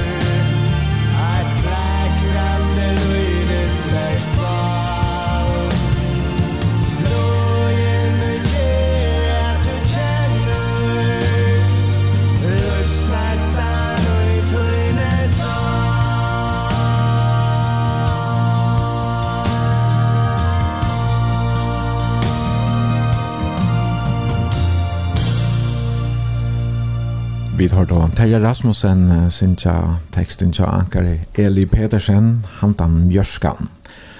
Du lortar etter brunch, som i morgon blir sendt ur Nils Pinsens gøte i Havn. Vi sender beinleis til Jansi Gordløkke, som middelandet er kjent som daglig leier tja Krabbamennsfellanen, som er gester, og vi sitter her i hundalige Jose Stovene. Det er nesten som, ja, vi sitter som en havastov det er nesten sier som er vera sånn fyrir, solen er skinn i morgon. Og så sitter vi där og drekker um, ah, ingefær te. Ek vill han gott föles det vel. det. er. Og etter forskjellig annet godt frukter och choklad och allt noe annet. men man får en sånn. tror virker oppkvikkende uppkvicka det ingefär te. Ja, ja. Sånn där man lär för orska och så Ja, ja, man var kläm. Mm. Men um, vi pratar också om um, utbyggvinnslen kjallar, ja. Mm -hmm. Du blev uh, sjukraröktarfrönger och flottet till stränder och var heima sjukrasyster här. Mm -hmm. Men uh, tid för så fra kvar en öron natter i, um, var det åtta fors eller? Ja, eller? ja. Vi, ja, så åkara vi skilt och så i snö. Ja, det var Kare, ja. du som var samman där. Ja, ja. ja. Ja, jag vet också så en rosa samman och han var så pappa för Remi och han är en fantastisk pappa för min vän. Rosa Remi. Och ja, och så skilte så ösn och vägar och är för till Havnar och jag kom samman med en man som heter Inge Jönsson. Vi köpte så det här huset samman under sånt. kvar kändes dit fram till Inge. Ja, vi kjente oss, altså det var også nu i privat och høypig at vi kjente oss. Nå til, ja, Alltså du kände jag nästan från Höjdolon och så kände jag nästan i köket någon kara. Okej. Okay. Ja. Så vi kom så samman ta, ta ja. Inge Jönsson, kvar kvar fikk han vi ta? Ja, han var mäklare, han säljde hus. Han har ju sådana företag. Okej. Okay. Ja. Och så säljde han med landet hus. Ja, han säljde med landhäshusen så vi okay. köpte, ja, ja. vi köpte häshusen samman. Mm -hmm. Ja. Det var ju 8 fors. Ja, men vi bodde først av Arjun og, og Løyta Vetterhusen og ja. så kom så hese husen i Sølestan og vi smekka og til kjøpte mm -hmm. Det var det er en tusen då alla går huxar etter av vi, vi, ja, gleden. Ja, helt sikkert. Det var en fan, ja, det var fantastiskt, ja. Det var. Men det var Samsons eisen, det har vært du, ja? Ja, det var det helt sikkert, ja, pura visst, altså. Det var sjående det at, at vi dør og nå forelsker jeg og han, mm han var ta han var han min soulmate och men men men ja och så och så dog han. Han dog ju i Nordfors. Ja. Då då då då så stod jag ensam att lära vi hos någon. Mm, så det var vi samman nu bekanta så det var vi vi fick ju två år samman. Nej. Och han fick en hela blöjning Ja, han fick en heilablöjning. Han fick en utpostning av en akr. Alltså det att få alltså det är säkert han säkert fattar vet du han har haft den elpåsningen som så i bröst. Mhm. Så det var fra... Ja, det var akkurat som... Knappt Knappligt som en ja, ja, simpelthen. Det var som en knips av i fingrene, og så var det i seg. Det må være veldig et sjokk. Ja, det var helt, helt, helt rævlig. Altså, først da vi var fraskilt, og så kom man sammen i hånden, og så døyren, og vi hadde kjøpt hus, og jeg har bøten, og, og Jo, jeg arbeidde ta av landsjukhus. Nei, jeg arbeidde først av lovargæret. Jeg arbeidde av lovargæret, ta han døye. Mm -hmm. Men at han var så får det kjøttet ut av landsjukhus, jeg arbeidde av beskjed. mm -hmm. Nå kommer jeg også med det vi før skal dansen atre, altså tve skritt fram. Ja, alle døgnet, og det er faktisk mynda mot uh, Maxland og Øljane, jeg kallte det her, vi er tve, tve fram og et atre, alle døgnet. Mm -hmm. Ja. Så to arbeidde Og beskjed, sier du? Ja, beskjed er medisinsk dolt. Her ja. arbeider jeg, og her har vi arbeidet nek, og man rundt i øyla vel av det her. Mm -hmm. Og, og så var hei verste jobb ved søyen av, for jeg kunne, kunne behalde husene, Så jeg, jeg hei ikke, altså, jeg har simpelthen ikke orsko til å selge husene, og jeg følte jo også alle tøyene at det var, altså, hvis jeg selgte husene, så miste jeg ikke innkjøyene fra tre, at det var akkurat som, han var her i husene på akkurat matta. Ja, mm og og snu at utsetta mine på at nattur for jeg flyta det er jeg akkurat som ikke ordentlig gjerst at jeg vil være her. Men hetta bara alltså han dog ju i Nutjofors och och Kreppan kom ju först i Alfhems. Ja, och så kom Kreppan där var jävligt harst alltså då vet och och, och man hade lån och räntan var jävligt hög och Jag kan vara en 13 procent eller så. Ja, det har så lån mellan 11 och 13 procent är helt helt vilt alltså. Mm. Hur så klarar du det ensamhet? Ja, altså, så jeg klarer det da. Men men sånn, jeg, jeg fikk, um, jeg fikk østene... De var jo ikke gift en gang da? Nei, altså, vi var nemlig ikke gift, nei. Så du ikke finnes ikke noen trykkinger? Nei, slett ikke, nei. Jeg fikk også hjelp fra mine foreldre, og, og så så han det for å ta seg ved banken om å kunne slippe stekke land om en og tog, så... Men, mm -hmm, ja. men, men så som skulle ta, bare betale renter, det var jo snurrelig, så man... Ja. ja. Ja, det var ett hyrska här och jag det måste rymma från hus ju hemma. Ja, ja. Flott av landen och Ja. Miste där hus, näck miste hus ja, det blev sålt för en slick. Ja, nämligen. Andra som åtta pengar då kunde köpa. Akkurat. Köpte flera hus och det var en en en chili tog. Nämligen. Ja. Så det är helt tog du är helt finns några på sjura 6000 då. Så det finns ju. Det ser man för det som du köpte för det. Nej. Og vi var så redde gøy i husene, så Ja. Jeg, jeg ville simpelthen ikke av det. Så jeg vil gjøre alt for å behalte det. Så de kjøpte det faktiskt är da i prusen har vært på det haksta ja, først det gjør det vidt. Mm -hmm. Ja. ja. Men, Men så lukka mye, så, så, så genka Arne här och så mötte jag så Bikva, min og nuverande man ja. som vi tar vi samman i tre mm. år. Och tid är det den. Och vi er här her i husen ja. Och ta arbetet framvis ut i Alansjøkrosen og Apiskjei, och ta i 1992, så Alltså min hår har alltid varit till att arbeta innanför krabbamösöch och det har vi gjort nekv, alltså så gärna jag kom att rappa tjej. Ja. Så, och så i 1902 så ta minnes det att man begynte å teka krabbamøsvitjer hjem hem till Mm Mhm. uh, og, og altså, du, du krabbamøs søvann er faktisk rettelig rättligen nodtje førjer, vil jeg si, at du at Fyrir kjente man öll folk av landen som fink stafes krabba krabbamoen og som skulle ha omkran form for ettervitser. Det ble öll sendt av landen, så ikke fyrir 1992 da byrja i landsjukhuset at at lata sett i landsjukhuset och et, et onkologisk ambulatoria stån, altså et ambulatoria stån for, for folk som har krabbamoen, og dølten, med medisinske døltene blir seks oppi tjei, fink og apperne av at adjeva folk ikke vidtjer, kemovitjer. Okay. Og jeg minnes da, ta, ta fink så undervisning i at um, att göra hessa vittjörnar och jag minns att krabbamonsfälla är var vi till att, att stola till undervisningarna. Ja. Och, och, och ta minnes det här att ta hej i hod lika lika som till affära nio att lära mig mer om det här och krabbamon sjukra rökt. Så jag får nio i 2,5 och var nere i ett halvt år arbetade när krabbamonstolt har rytjur krusen. Och da jeg så kom hjemme, da fikk jeg så starve, og var jeg beskjed, og så fikk jeg starve av onkologskanlatoren. Okay. Var du ensam eller sted eller var familjen vi? Ja, altså, Maren Bikveld, han var vi, og så var det bøttene Rose og Remi, de var så hjemme til pappa sin, til Kara. Ok. Så det var jo sørst. Ta var det jeg som ble showmauren. ja, men ja. Og hvordan var det så kom han til Danmark, altså, var var det var det stora månader om ettan eh följer och länsöker så. Ja, det det har alltid. Alltså det det var jag var ordentligt kulturschock alltid. Hva var den største måneden?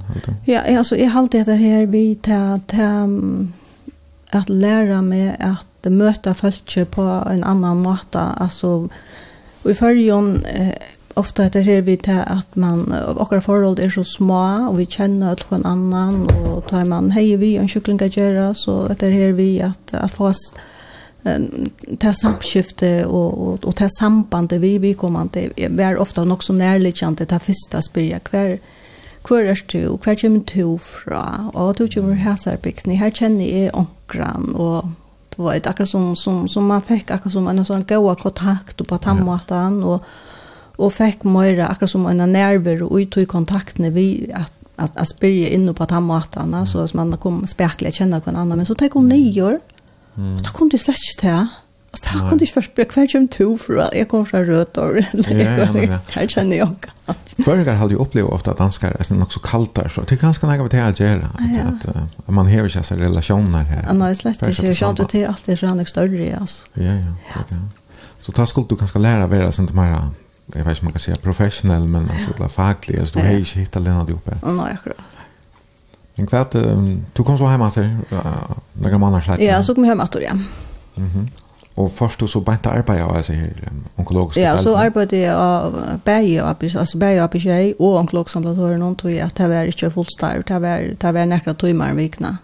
først fyrst ja, så, så ble det til holdt og starv, og så, så kunne det ikke arbeid av til det er akkurat som ikke, det ble for strevet. Mm -hmm så jeg akkurat som sier det fra meg, og så fikk jeg så arbeid av krabbamannsfellene i 96. Ja, og at krabbamannsfellene ble jo stående i all fjers og enn for det? var det. Det ble stående i 1924. Ja, og hei, klappa i krabbamannsfella er sånn ganske arbeid liv i oss nere, så lønner skumpa under det, man skal jo få det til i førjen. Helt sikkert, altså det er bare akkurat som det er det som felar för ont på ena vägen. Mm -hmm. Det var, var kanske en av husårsöken någon till man man börjar i fela eller. Ja, det alltid jag tror att det var Bjarne Niklasen och Sanna Dan Niklasen som var vitla stona fela ja, så vi vid Lionsfällan och i Torsan och eller i Förjan. Mm -hmm. Och Sanna och och, och Bjarne hade haft krappa man själv. Så och de visste att det var att det var att det krappa man kom in i livet och prövade av egna kroppen så de såg att det vi det var bruk för en fela som som kan vara vid till att tala sökna tja dem som blir sjuk och, och att förbättra om vi skiftande tja hälsan sjuklingar völkje. Mm -hmm. Det gjør vel, jeg synes sjuke mer alvarslig om det er større fylke for det enkelt an enkelt av bestod nøyest för det är alle andre för att få vidtje. Akkurat, ja. Du ser inte til at jeg får stedfest venner som krabbar min er ofta välja Ja, alltså ta ta ta den sätter tankar igång om liv vad det ja. Så och och lust glädjen och lust möter vi ofta högt. Ja. Så det är som om täpper vi river undan någon och så skulle vara centrala land någon borstor från familj och och och tryck hon omkvarve och till ett annat land till en ära mentan och ta sig ett annat mål och ja. det är ofta vi harsar nekvon och vi vet att nekva haft glädje av att kunna vara här hemma och få och, och sina vitcher här hemma under tryck om vi skift hon och hemma tja familjen är vara tatt på familjerna. Ja. Så du har uh, arbetat vid krabba mens øtjen, og vi er ganske mer enn tret vi har. Ja. Alt i alt, hvis man tenker Arne i Lansen. Ja, ja, det har vi. Tret. Ja. Mm -hmm. Vi får prata mer om, om det og om uh, arbeidet der, ja. som daglig leier krabba mens spiller men jeg hadde visst for å spille en sangatret. Ja Og um, jeg har alltid sånn her nast, han er åkna over ommebøttene. Ja, det er det. ja.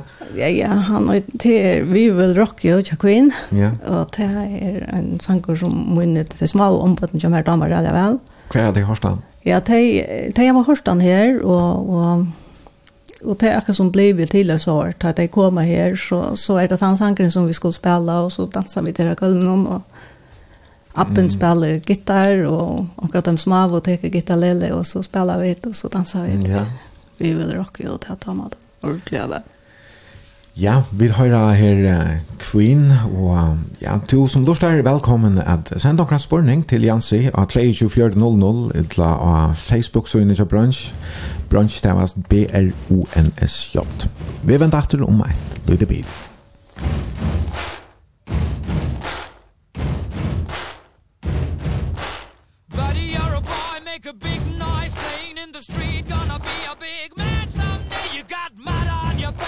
you big disgrace. Kicking your can all over the place. Singing We will, we will rock you. We will, we will rock you. Buddy, you're a young man, hard man Shouting in the street, you're gonna take on the world someday. You got blood on your face, a big disgrace Waving your banner all over the place. We will, we will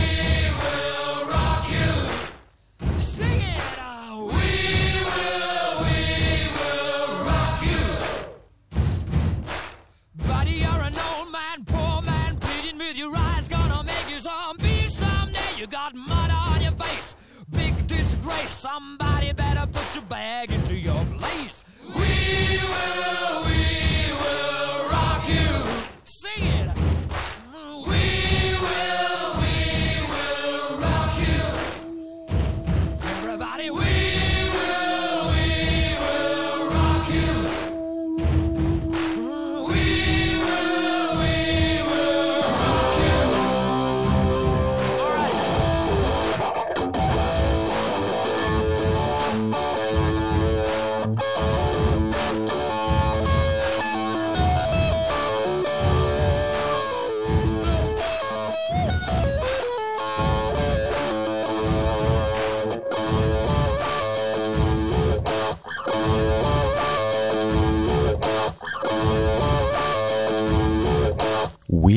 Rock You. Vi tar då Queen och till dagsens gäster Jansi Gordlöka som är väldigt håndlägen.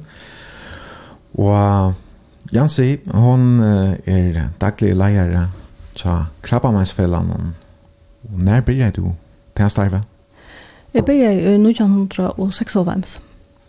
Så att hon har har varit jag säger onkologiska delen eller ja. ambulatorien ja. i Norge. Ja, jag kom här och jag är kom krapp på mig själv i 1965 så jag kom 18 år innan sjukasyster som är Johan Siskason som blev i Vi fällan om för sjukrakter för en gar och jag minns gott att jag fick starve att åh, nu ska det komma att han henne, till Det var en sjukrakter en en som jeg alltid sa opp til, og jeg har lärt mig av henne og og jeg lade henne så jeg husker jo, jeg har nekva liv opp til. Ja. Ja. Men for at uh, det er brøtt nek uh, starve til der så jeg antar du blir jeg, ja. Ja, det er rett nek brøtt, og det er blir nek mer omfattende just Østene. Hva gikk det oss mest ut på? Eller, ja. Jeg blir vi. Ja, så det første togene da jeg blir jeg krabba med spillene, og ta, ta tog mer mest av kvinnor som hadde brøstkrabba, jeg hjälpte dem vi att få uh, brøstproteser, og folk som hadde lagt her med blør ut av syna. altså vi tog øyelig en samskifte vi tar i følgene. Og jeg minnes godt at jeg kom og krabba med svedt også, jeg var ikke at dette her er ikke ordentlig ordentlig at vi tar og av tog. ta ta øyre vera en oppgave som landsjukkerhus i øyre takker seg av. Så jeg minnes immun til at folk hadde stå med i at at vi samskift och vi landsjukros i ta og spurte og om om om det är 80 at komme under under landsjukros ta og ta vår typ bøyna när vi är på så ta blev som i ambulatoriskt stånd att är efter. Okej. Okay. Ja. Annars var du ensamødla? ödla? Jag var ensam ja. Og jeg var ensam i åtta år. Mm. Og, og jeg minnes også i 98, uh, 98, ta, ta, tog jeg at etter her vi tar en film en, en blir sjukker, så er det ikke bare at han sjukker som blir sjukker til alle familien som blir avvarska. Ja. Og, og særlig at det er bjød bøtten oppi og ja, så hvis, hvis det dømes foreldre blir sjuk, eller syskjen blir sjuk, så, så blir familien så rævlig avvarska og, og, og jeg minnes det at ta før vi til gongt vi, har sittet i kjønegna av bøtten og bøtten og sorg. Ta, finner vi samskiftet vi, vi underviser gasturer og kjipa for skøyen og för att ösnä att hjälpa folk som arbetar vid botten till tacklet att göra att det bättre för för att tacka sig av som botten och ta i er är borstor hemman från kan man säga på stan i skola. Och det har vi gjort i att väntande på 2008 och att 2005 och nu gör vi det att år att någon sommarvärna och i september man har prövat att att köpa för skojen och. Okej. Och då visst för tog. Men eh ja, Så det var nok så ensligt arbeid jeg vi, men du har ikke ordentlig en nevnt at træta, men yeah. det er sjølvborgen folk som yeah. kanskje ikke parste av de daglige virksomheten. Nei, akkurat. Og sånn det til han er folk som venter seg til krabbamansfella i beit, de som er sjuk, mm. og de som er av, og er snu ånder, at det kan være skoler og stånar og arbeidsplass og så. Så det var øyne nekva samrøver vi folk, og Og det var øyelig harst men men og, och det at vi är ensamma at lyckas att häva näkran att dela oppgaver vi at spara vi og at venta ting om vi som från vår tunga. Men i hela öle gåan og særlig formannen og, og, och som som är samskift i öle näck vi och som som var rävliga gåor att att kunna ta sig vi men men det är lika väl inte samma tror jag att han var i kärl dagligt och Och det är inte samma som att här var en starfälla, ja. Nej, men det fick du så 2004? Ja, 2004 så fick vi så en en sjukarakter för en katter att och det var så jävla gott att ta akkurat som det gick upp för mig och jag svär alltså hur så harsta egentligen jag är jag är ensam all. Ja. Och det har en verksamhet till miljon slä alltså. Och så ja. Samlarbalkar och en sån slä och Vi kan stå grejer som du frågar ganska hur ska jag.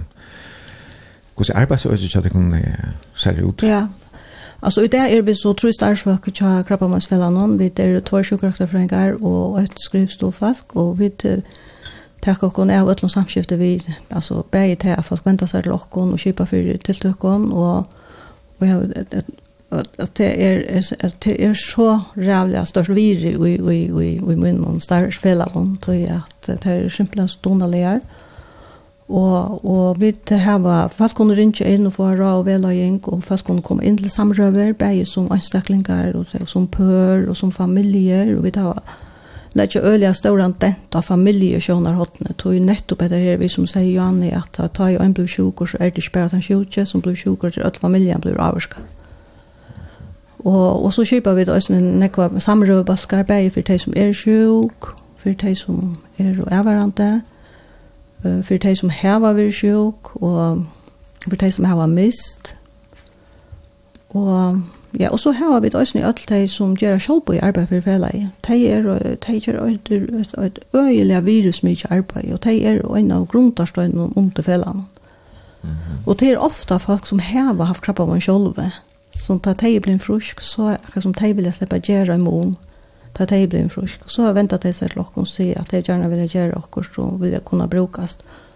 Og ofte er det så sånn at vi har imenskap, og det er akkurat som de har det är mycket bulkar alltså det kan vara kvinnor vid bröstkrabba det kan vara män vid vi vi prostatakrabba eller kvinnor vid underlivskrabba vi tar en föräldra bulk att botten och vi krabba mine vi tar eh och sen bulk för folk som har lymfödem och jo de som har møvermørsa krabba og de som har stomi, østene. Men, de, men omkring av sånne balkene er det ganske mye kvillant til det. Men alle svelgene, alle balkene kjipa for imenskene tiltøkken østene. Ja. Ja, du er det virksomme. Ja, det er nemlig det største virksomme. Er det nek avhengig av, av, av kjølbåten, altså? At for jeg liksom får tog til det hele? Ja, altså, vi tar kjølbåten, självbart nåt det det är öliga visken alltså det det här var hona lötter och og skipa fyrir imjoskon og kunne hava gongturar og, og anna. Ja.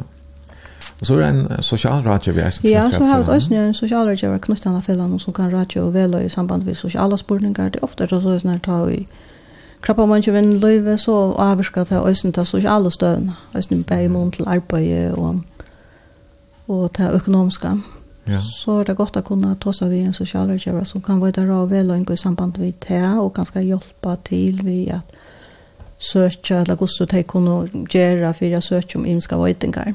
Mm -hmm. Ja. Nå, du snakker om det fortjellige. Hvordan så her, ja. blir alt til tikkene til fellene fortsatt? Ja, altså fela er fer okkar um, inntøkker er og, er og gaver og limakjalt. Det er det som vi lever av. -hmm. Og tror vi dølja tenkt av å få ham stål. Tror, ja. altså, vi, vi, vi får ikke noen allmänna hjälp kan man si, eller noen annen stål. Mm -hmm. Så, så vi må alle tøyne ut at, att få, eller be om stål och få andra stålokken, och det, och og tog betur det nek som, som, som, som vilja ståla fellene, någon och og, og det er så det som gjør til at vi kunne ha det køyrande. Mm -hmm. Vi tatt oss også en stor innsavning i fjør, ja, og det er ikke noe fyrt det samme. Tid har haft det tverfer alt, ja? 2008 og så 2021? Ja, 2008 hadde vi døgnet, og så 18 nå i fjør. Men det er noe som gjør stora mån for arbeidet? Ja, selvvann, det gjør stora mån, det er helt sikkert. Og det gjør også til at det blir lagt der sjåkken, at, at vi vet at, at vi har disse pengene, så ikke alle tøyene bruker orsko på søkjenstol forskjellige steder fra. Mm -hmm är det noe som så vil standa så det brukar så vi och vi ja. skulle brukas noe avvist. Nej, altså så jag det det att jag det man kan säga att det lønner är det som kostar mest men men hivvägen lönar det ut att du hjälp. Det er det arbete som vi gör att det är alltså vi, vi det är inte omsättningen som så kan man säga att det är faktiskt hon pengarna för utåt som hjälpt och det är vi som tar och av utan de tillbon som vi tar. Det är vi som tar så vi falsknet det falsknet som kommer in samlar och det är vi som häva balkarna och samskipa allt arbeid og sånn i mån til det kjølbotten og... Mm. Ja. Ditt arbeid er som vi mye nær nødgjør Krabbamanns atlan, Ja, altså Krabbamanns fela i arbeid og sånn politisk, kan man si, ja. Og, og, og årsøkjen til det er sånn at vi får så rann ikke vitan fra de folkene som er sjuk og for de som er av. Det er akkurat som første hans vitan. Og det er vitan, bruker vi, det kommer at hel vid den politiska myndla kan ta vi sucha at det er ting som kunde være gjort bättre. Mm -hmm. Så færer vi til myndelagene her, och så och och i 2019 ta, blev så en krabbamøys atlan gjort för att eller, man sätter lukka som ut i kvart vill vil man vil krabbamøys økken og det er hvordan det ut, och hva skulle vi, hva skulle vi göra för å bättre om det. Mm -hmm. Och ta til sjøen til Halsmalerei som, som, som sätter till arbete i gång men vi vi avhøytan från krabbamånsfällan kan man säga så tror jag att akkurat som vi har trust och annat vad stannar för jag får ting tänka att bli bättre eller få att tänka igång. Och han Atlant blev så körde nu så och det var åtta års tillmäler och nekva tom tillman är så sett i värsk men vi tar ju nekva har sagt att det är bruk för nu kör krabba med Atlant. Ja, är malen i blommen med bronner nu Ja, ja, då ökje, det brötes alla tojna och och till fler folk som får krabba med. Men tog betur er det også flere som blir frusk, tog jeg vil kjøre tilbøyne kjøre sånne flere og betur. Og, og sjålvant det er at økje til mennesk atla tøyna, og til, og til må vi atla tøyna være, være minnes til, at vi, vi kunne omkant til stekke opp og sige, nu har vi nått malen, og det gjør vi omkant til, det er nekk etter mm halde jeg, hva sier jeg? Du sier at det er flere som får krabba meg i det enn før, ja. men, men enn flere blir frusk, altså ja. det er bedre vitjer. Akkurat. Ehm kvar är orsöken til det här og er det er det att lackna när det bättre till att finna sjukna eller är det Det är kvar orsöken til det Altså det är bättre till at att folk själva mer att tacka sin organisation allvar för skjuta til lakna. Og så til at vi har nek bättre kanningar till det Og at vi har nek bättre vitcher i det At folk blir alltså vi har en bättre vittjer är tillbo i det i månaden för. Mhm. Så att folk kunde bli friska. Mm og hvis det ikke blir frisk, så lever det langer hvis en sjuka, så er det sjukan, det er ofte er en kronisk sjuka, helt og en sjuka som man dør. Jeg halte med vite at det er færre som blir sjuka krabba meg i fyrjun enn en i London og rundt om åkken, men, men det er altså flere som dodger i fyrjun enn her stedene. Hvor er helt du at det er sånn? Ja, og det halde jeg, jeg sikkert en årsøk, du jeg minnes det at i Danmark har man begynt å innføre bæge vittjørerikt og krabbamøyspakkar. Du tøle hagtølene i Danmark, de, de var jo heller ikke gå for, for, for nekonaren så gjerne. Altså, og, og ta innførte man krabbamøyspakkar, altså det vil si at, at, at man, og vittjørerikt, at det skulle, at, at man, man gjør en skipan fire, fire krabba mot øke, og at du skal komme så så kjøtt i kjøkkenen, altså fra at du har mistanken til du først lakner, og til du kommer og vitser, eller fra at du blir kanna og så så kjøtt, og, og, og at det første stedfest så kjøtt som mulig, og kommer i vitser så kjøtt som mulig. Mm -hmm. Det er rævlig enn jeg kan si, det handler enn jeg om tog i øsene. Ja så så tar jag Danmark för inför skrapa med packar man vill säga att att det tillborna är lacka betydligt så jag tävlar införst och det är det viktigt att vi också får att det införst själva det läge att det först vi skifter. Ja. Du kör inte att vi är framvis nöjda sända nek för folk av landet. Ja. Så Det har en en goda hemmasida. Ja. Skrapa min.f och mm. Her kan man färre inn og lese mm. mellan andra kvaliteten man skal anse efter. Då. Akkurat. Och, och nek går då av Imsons lä. Och så här har det säkert nek var bölkar som samskiftar av sociala milon och forskjellige yeah. olika eh, samråbölkar av, av Imsons lä. Ja. Men eh, att som jeg skal lade være vi hooks om til det här tog kommer ju uh, i samband vi vi nekfolk som som har en herre lackne och som som som upplever eller när jag sorg och löven och så här och tog alla galverier här i, ja kött 26 år här är det alltså kan bara imynda mig att det har varit något som, som kan vara väldigt tungt och för näkt folk vill det säkert vara uppslutande man är inte klarar det så länge hur hur ser det ut av det hur det det är att vi vi döms inte att ha arbete vi hem och ska gå hooks om det alla tog innan ja. Ja, jeg får rævlig ofte andre spørningen, hvordan, hvordan mekna du å være ute i. Og til sjølvand, sjølvand er det rævlig at er det nekvar mennesker lagt som, som, som man hever samband vi, eller det er nek mennesker, og nek mennesker som har det ringt, men, men jeg halte det er øyelig, altså det er så rævlig djevand at kunne være vid til å slippe gjøre i mån bæði immun til de falskene som, som ble sjuk og de som var av. Og så øyne jeg slipper å være vidt til å gjøre immun til å bedre om etter røtje. Altså det var et øyne til at arbeide politisk. Mm -hmm. Men jeg minnes godt til at jeg arbeidde som sjukassister og adeldømes beskjed.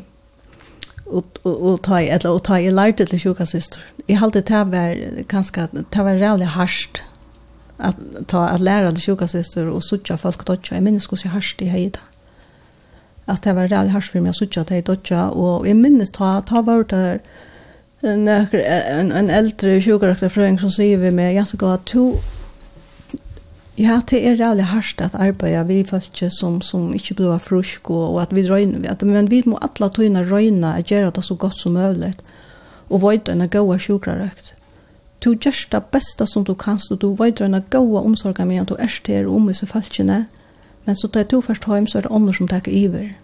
Og jeg har faktisk her, jeg tidser til å vimmer alle tøyene, at jeg alle tøyene røyner at gjøre mot arbeid så godt som mulig. Og jeg halte det som er ringast, det er da jeg føler at jeg ikke strekte til. At jeg, jeg følte at her gjør det ikke mot arbeid godt nok. Her, her, her var dere som jeg kunne haft gjort bedre. Så du har vel alle denne, en sånn i kroppen, at du, det er alltid dere som du kan ja. gjøre en bedre, forbedre. Ja, alltså ni ökar som som här tog han vara vidla hjälpa så så att det var bättre omstår för för det som är lagt av sjuk. Absolut det är så jävla viktigt att alla tog in att det är hoan om alltid det visst att att att vi är då vi är till för att skilt att vara här till och att kunna veta att det omsorgarna och att vi bruka oss en torra rönter till att bli bättre. Mm. Alltså bruka erfarenheterna av tajmen som är sjuk och tajmen som är av till jag männa mig själva till att kunna bli bättre. Så är det snarare att, ja. Ja. Du har så eisne vært et skifte i Danmark her du er starvast for kreftens bekempelse ja. i Danmark. Ja. Hva fikk du på slur tog, altså hva lærte du her? Ja. Ja, vi har det har varit roligt glad för att kunna släppa ner att arbeta i kraftens campus samtidigt som vi kunde föra ner vid vid döttrarna i Chamar och så och sen släppa Vera att jag hinner döttrarna som är som bor det. Ja, det var ju hon skulle ner läsa. Ja, hon var ner läsa och och så så blev det ordnat så att jag kunde arbeta i kraftens campus i Aalborg och Og det var, det var fantastisk tog i alt det, tog og, og, og arbeid, det er akkurat som, det stolar jo punkter, det er arbeid som er vidgjøret her hjemme. Mm at jeg fann ut av tog, at det som de gjør det her, det stender faktisk ikke at for det som vi gjør här her hjemme i førjen. Og kanskje jeg tja okken og i krabbamånsfellan, sånn at okker arbeidet til er nek i minnemån, men, men, men vi gjør nek hva de sånne ting nå. Mm. Ja. Så det var kanskje, det var kanskje godt att få ni. Det kan få bekräftat det att ja. att det är rätt där line. Ja, akkurat, akkurat så. Och annars så alltså krabbamensfälla uh, vidger eller teker mot ödlon falkon alltså till ochep så vända sig det krabba mans fälla i och och och du hade det en område eller öll är lugga för lån. Akkurat. Det är väldigt viktigt. Men är det annars är det i förjon eh samhällsfeste alltså Ja, jeg halte det at... Ja, jeg halte det at i i stora mån sjån det er alle tøyne ting som kunne bli gjør betur, men Men jeg halte til at vi hava øyla gode sosiale kjipaner som tekka vi ta i folk ble sjuk og ta ikke kunne kunno altså ta i inntuk og grundarleie blir høyt og ta i ikkje får arbeid eller ar, ta må sida sitt arbeid fra sær og etla at ta blir sjuka melda så så vi hava gauar kipaner det har halde er og det har vi det har halde er ordentlig godt og tog jeg har vi alltid sagt det at det er så rævlig viktig at vi ødt betala skatt. Mm. Tog at det er skatteren som gjør til at vi kunne heve seg velferdskipene, at vi kunne heve skoler til bøttene, og vi kunne heve hava skipanir som trakka til ta i folk bløa sjuk og, og, og at vi hava sjukrusversk at det kostar ikke å komme inn av sjukruset, det kostar det ikke å fære til kommunlagna. Nu hava vi samstar vi negv land, altså på alt det norra, Krabbamundsfellen i norra London og Østen i Øren London, det europeiska samstarven. Mm. Og, og her, i, i flere London er det ikke på samme måte som vi, som tjokken. Altså, de som kom inn av sjukhuset i Onkel London, her skal du betale for at, för att att komma till imska vitcher eller till imska kanningar och sånt alltså och och det kan vi ha tro på att folk som som inte har pengar alltså du tar såcha vid oss nu ut där här så och att det är inte öll som som är så väl fyra för kärlek. Det är det inte. Så så till vi färd ni snö att teckna ega tritchingar och hem som slä eller kan. Alltså det är den som gärra. Det är liksom teckna ega tritchingar och och så kan man se att det här alltså hur gott är det att de de de kommer fram om i köerna och belasta ganska systemet så lös när att de som väl är sjuka ganska släpper inte fram att alltså så så så till bäi firmor och vanser att ha såna ekonomiska. Mm. Eit som um, i eisne har vært parter av til seg her um, sykleferien her til Paris. Ja. Du sjálf er vi Team Rinkeby en klærferie. Ja. Var det klær det første ferien her?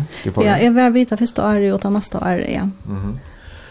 Og ja, hvordan det har vært? Ja, det har helt fantastisk. Altså, det, det man må si at det er, det er noe som fer inn i blået som ikke fer urator, og man blir så reale gripen av to fellesskap noen. Mm Bæði tog at man er saman vi så rævlig nekvun gauun falkon, og man fer nekva gaua viner, og så æsne etter her vi at um, at kunna sykla, og det er blivit så rævlig biten av sjolv, at, at, at sykla, og det gjør rævlig nekva av enn. Ja.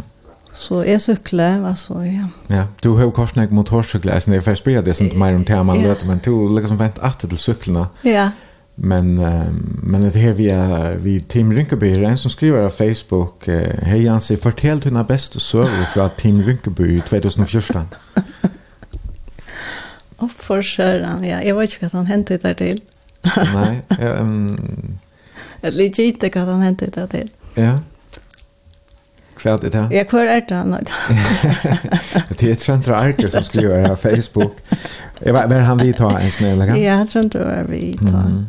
Men det var att året inte gick så eller gott. Nej, det var det första året och det första året det var akkurat som en sort överlevelsesår. Alltså du vet att du vi tar att träna näck och var klar till affära så och, och så för vi tas sted, och helt till att nu kommer vi till sol och sommar då vi tar och träna i färjan och i kava och räkne och vinter och ötlån och vi kommer så av fastlandet och och ta faktiskt fortsätter ju så Morillo, att det var kjäle vävor och regn och vinter och kallt och Ja, og vi kort og nek skoft, og enda vi øyne fyrir var kom att til Danmarkar, men, men ja, så ta, vi var rallja mø og trøyt, og så den sørste dagen som vi skulle sykla til Paris, vi hadde vi tatt en forskilmeter den dagen, et lag 800, og det rekna ju så rævlig til morgenen, og det var så kaldt, og jeg var simpelthen så ytla holdt om kommen, og och och och, och så skulle vi ha en paus och så fördes det att då Og ta jeg kom på syklen og hva sykler jeg sted, nå renner en annen sykla av meg, og jeg får kjentende etter vennen, og så måtte vi alt stekke, og, og jeg var simpelthen bare så sjokkeret, og, og ill, og kjett, og jeg var ikke alt, altså, det, det, det kom alle kjensler i spil, tar man, tar man sykler en sånn tur, ja. Och man ser och man man man visar såna skyer till sig själv som man kanske släcker så glad för att visa allt. Och så minnes det här att Kylie och Holm som var lack med ta, han var via turen och ösne och akkurat akkurat i husar lötne så han han snackade i rally han ta kom nu vidare kom nu skulle jag komma vi skulle Paris vi måna ha det här och är flippa ut. Alltså jag blev så hamrande ut jeg altså, jeg kvært og jeg Så du sätter lägg man. Nu helt to för helvete tjaftish to som bestämmer här till er Alfred Hummeland. så du sätter lägg man på blåsa. Ja. Det var utanför landamark då så det var det här var Jag vet inte han som bestämmer mig. Nej, nej, nej, nej. Och jag var så rävlig flow av hans natten. Och jag helt ungen hörde mig. Det är ungen säger åtta år. Så jag helt bara ungen hörde mig. Och jag gick ut i trunne i flera månader ta vi så öll möttast attor och ta fortälje där vi tar som vi sitter vi så inne att det hej görs det där är. Mm. Ta knappliga för vakna och öll och öll för att snacka om det är öll visst är ut öll öll lust ett mer och blev på den så flowas. Men jag har alltså jag har bi om ombering. Jag har sagt jag snackar vi kan ju har bi om ombering. Mm. Så han var ett han häver. Ja. Fyra jumar. Du har uh, Det var gjort för jag syns att kvar när cykeln ut ut ut. Alla för och äsna fram efter rommorna. Ja. Ja, väl bara angst där här. Ja. Alltså är dottern tvärfnar öl illa och cykla. Anna för vi cykla cykla ensam kyrkbar alltså i vänjäng. Ja. Så det kom att till välbasta här att det första huset här är det reja huset där man kommer om till välbasta här. Ja. Från kyrkbö så är det så rullborster och här. Ja det var, det var vått, og det regna, og jeg skulle bremsa, og vi bremsa på forhjulene, så jeg ble slångt av syklene, så det forhjulet stångtes da. Men det är inte något som jeg ble av, avskrekt, Avskräckte från ferd oppe? Nei, nei, jeg får bant oppe på hesten natter. Ja. ja. Og det så bruker du sykkelkjalen hver du sykler. Ja, ja, ja, ja, men jeg kom til skreia, og jeg ble tenner, og, men, men, nei, nei, jeg får på vatter, og... ja. Ja, Två skritt fram, ett åter och så åter två skritt fram. Ja, så läs det Louis. Jag ser vid det närskast ända någon för hitcha det som är skipan att hon har vid av Horstandan här Sanchen till er Willy Nelson on the road again. Ja. Det är ganska sent i samband vi bäj så här för när att cykla men kanske även med motorcykla och ja. bil. Ja, det är det det har cyklarna jag för bäj vi nu vi rynkar på och så har vi cyklarna och motorcykla och jag har motorcykelkörkort och hej motorcykel själv och såna och ju nekvar. Och och det är bäge två är en sån fantastisk fällskap och bäge till att köra og och ha fällstor motorcykel och så fällstor vi vi trashcyklarna eller vi rynkeby cyklarna vi rynkeby mm. höpa. Så ja, så tog jag har valt den där sjansen till Ville Nelson. Men du har så sålt motorcyklarna för några år så ja. Ja, jag sålde gärna tog nettopp tog jag att är faktiskt blir mer biten när jag cyklar vid Rinkeby cyklarna så det är gott väder så färg helt vi cyklarna så för mer med motorcyklarna. Ja, och han har den stora BMW som ja. Du kan sitta. Jag sitter efter för det har damer ordla väl att släppa sitt omkraturer efter för det ordentligt. gott. Och vi har cyklat näck, vi har näck cyklat näck vi för ju vi turer, samma vi gör och i Snjotaland har vi varit en tur uppe i Alpen. Okej. Dolmitten i Italien. Og... Ja. Er det nekvar sen? Det var sånn? Ja, jeg halte det var i 2014 at okay. vi var her. Var det flere? Ja, vi var flere, flere fra førjen som for oss där. Okay. Det var ordentlig hun alt. Hvordan er det hva er i Europa vi motorskler? Det var fantastisk. Det var så reellig fantastisk. Mm. att at at, at man sansar allt.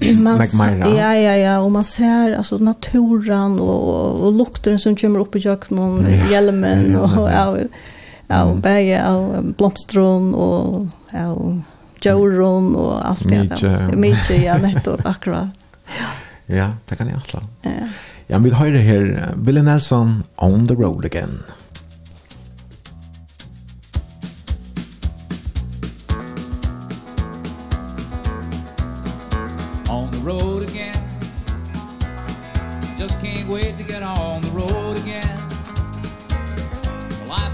brothers making music with my friends. And I can't wait to get on the road again.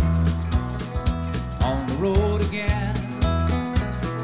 Going places that I've never been.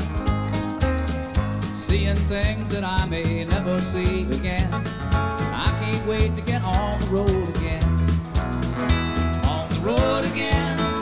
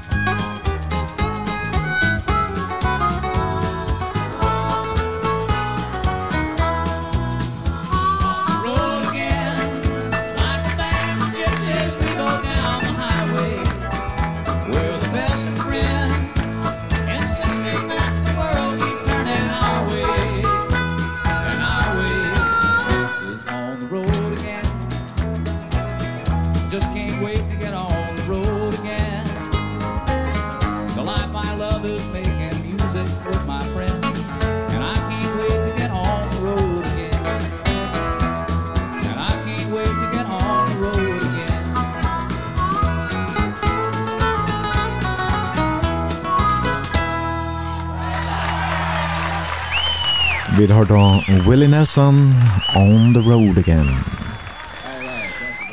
Og Jansi, um, først du uh, on the road again? Skal du ut og køyre etter sommer, eller hva så? Jeg tror jeg nå er det til at det tog år kommande år så igen vi var den första turen vi til Rinkeby. Ja, nu nu snackar du ja. Ja ja, det har hela tiden. Ja. det så det här blir alltså. planer, kvar planer. Ja, ja, det där. Skal du vi till Rinkeby? Jag vet inte men altså, man, man hör det så kostar tilta men det var ju som tojen för att vara tilta. Nej. Men men ja och så har vi i vinkorna vi där snackar om ganska färra och snuda färast. Det har man också har väl vi vidare över den förståndare färas vidare. Det två och ett nu ja. Ja. Så vi tar ja. Känner du alla efter Det har ju det finns stunder till att hausa snäppa det. Men Tid har varit i Nepal og... Kina. Det var her du började dricka ingefær. Det har fortalt om Brian, ja? Ja. Og så hadde vi i Kina i snitt at vi var 5,5 halde jeg. Ja. Mm -hmm. Så, Silti etter Jansione. Silti etter Jansione, ja. Det var drømmer, ja. Mm. Ja. Jinko at det kinesiska någon. Det var faktisk nok stortlig. Det var aldrig, det var, det var vi jinko at det kinesiska någon. og vi jinko og platta og, og, og i okkara ver vi bor, og mitt ut i høyla med meg gengat at kinesiska møren, og nu råpar en grinta på. Ma! Typiskt. Och går för en kurra. Vi tror vi var ensamma alla världen. Ja, okej, okej. Ja, då, då var det en, en fysioterapeut av Landsjukrosen som heter okay. Som... Kände det kom. Kände jag kon, ja. och hörde jag kon snacka för så hon röppar grinda på. Ja, ja. Det var faktiskt något stolt. Tid var så eisen för en trimmer så jag i Sansebar. ja? Ja. Det Ja, eisen. Ja. Ja. Är en upplevelse. Ja, det är faktiskt all, alla turarna har varit stora upplevelser. Det är alltid fantastiskt. Och kan se du färdigt att städa till sommar? Eller? Ja, jag vet som om sommar, men i hästar har vi tagit sommar färra en tur och stannar. Då har snackat och stannar. Ja. Tänk, tänk du väck. Okej. Okay. Tar de väl färra stann? Du ja. och Big vet jag att det är också motorcykel till resten med bilfärger. Ja, vi tar vi nekva färger, ja. Mhm. Ja, det korsar nekva nysjåkna Europa och vi nekva London. Och... Ja. Ja. Nå, men ja, sier her kom der Øyla Nekvar uh, helsaner og, og spurningar og anna godt av sms-kipan Jokon. Og um, ganske byrja vi en noen uh, asenter uh, hvis man sier, filosofisk spurning, spurningar, men en skriver her, til spyr, i samgang vi, samband vi motgang til løven sagt vel at jeg har ikke drepet det, det gjør det sterkere. Hva er tankar her du om det? Ja. Ja, men det har faktisk faktiskt at, att att det passar alltså sånn det passar till en viss grad vill jeg säga ösne tror jag at alltså till til nek ting som man gärna vill det i undan. Men samståndet så husker jeg til att jeg har da også nek vi etter her, hva, hva vil etter her mer, hva vil det lære meg? Og jeg halte det, jeg halte det, akkurat som et så godt motto, at det var at alla tøyne hugsa til, altså, at hva vil jeg læra meg tøyne, alt man kan læra av ötlån, og sjálvande motgångt, og, og til at møta deg, til hvordan vi nekka som man, åh, man, det er så tungt, og det vil man simpelthen ikke oppleva, men, men hivveien, Og jo vi at man opplever sånne ting, så kommer man øyne i samband vi andre folk som man annars kanskje slett ikke kommer i samband vi et la. Og, og man lærer noen ting som, som menneske øyne. At... Uh, som man også kan bruka som førning vi er i løven og vi de menneskene som du så møter ærestene vi gjør en sammenheng. som man får erfaringer også, som man får dorskjøpte erfaringer. Ja. Men, men det er erfaringer som man lykker vel kommer mynda det, og som til ångkes vekkene gjør det, jeg vet ikke om det gjør meg rymligere men altså, ta, ta, ta kurser, ta, ta lærer meg noe. Mm. Ja. Og som jeg gjerne vil lære noe av oss. Her kom der, og den ekvar halsaner, en skriver her, um Jansi er Brita. Jeg har glede av at henne heve henne som vikar og glivra skola først i forsen om. Hampa folk at familjen i lampa. Det er du ikke fortalt at du er eisen med henne. Høren, det passer til ham. Oi, så er det Hilmar Jan. Nei, det er stendur ikke om hva det er som som uh, är avsändare jeg stender bare telefonnummer. Det passar. jeg var nemlig vikar til ta, ta Eva Ly ha, ha efter ble blev vikar i glivra skola og det var Det må jeg si, at det var blant av kjenslene, vi var sjuka vikar. Det var ikke stått til å være sjuka vikar. Det var rævlig stått til å ha de små bøttene, det var så kjøvende, men det var de store bøttene. Ja. Og tog... jeg... Man blir ofte et offer, ja. Ja, altså, og tog teg høyt og hoksa seg, jeg finner ikke fru. Og, ja, nemlig, ja.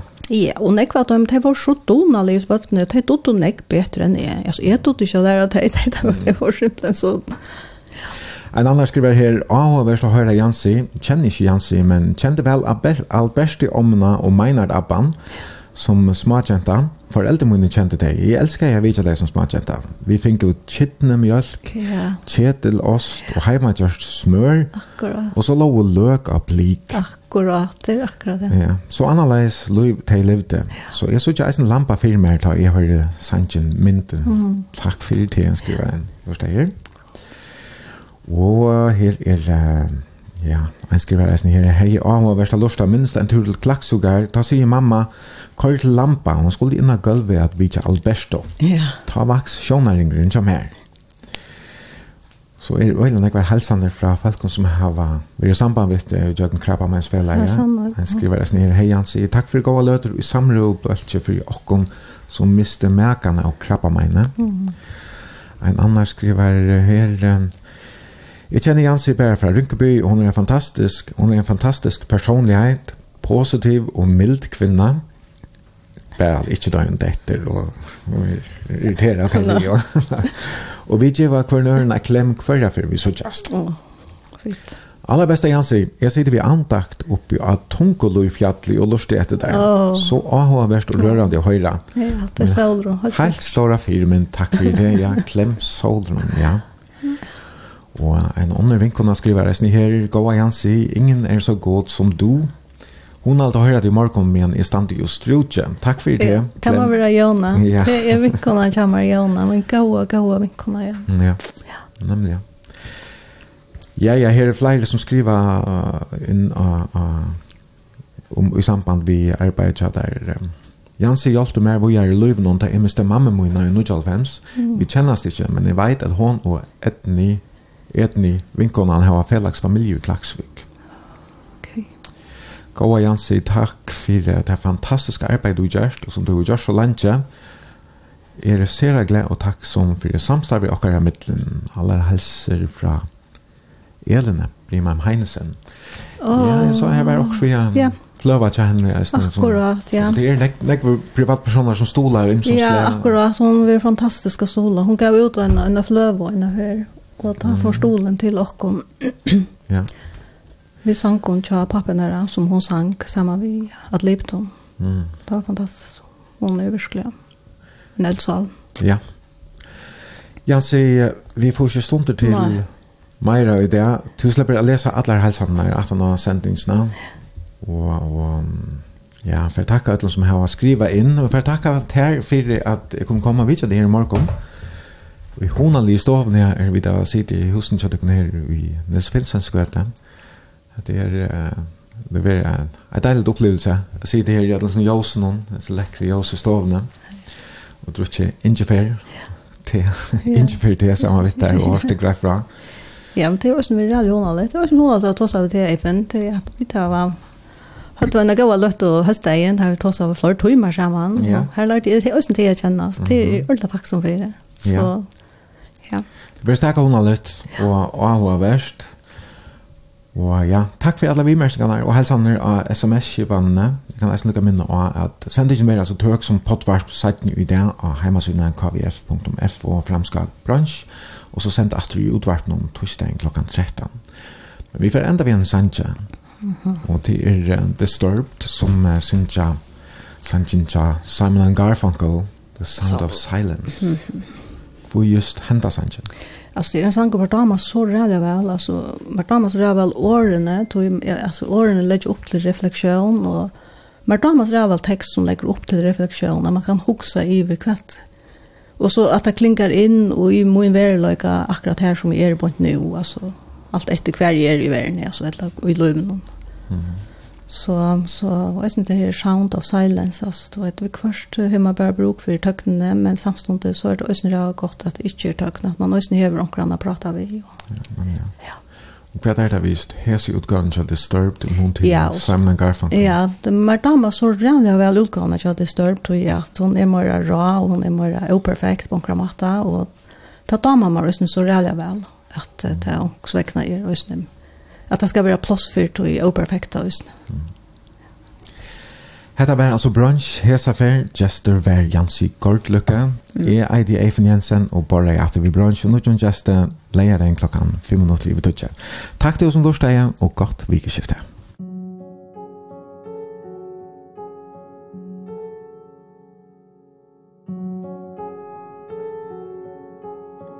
Hello, darkness, my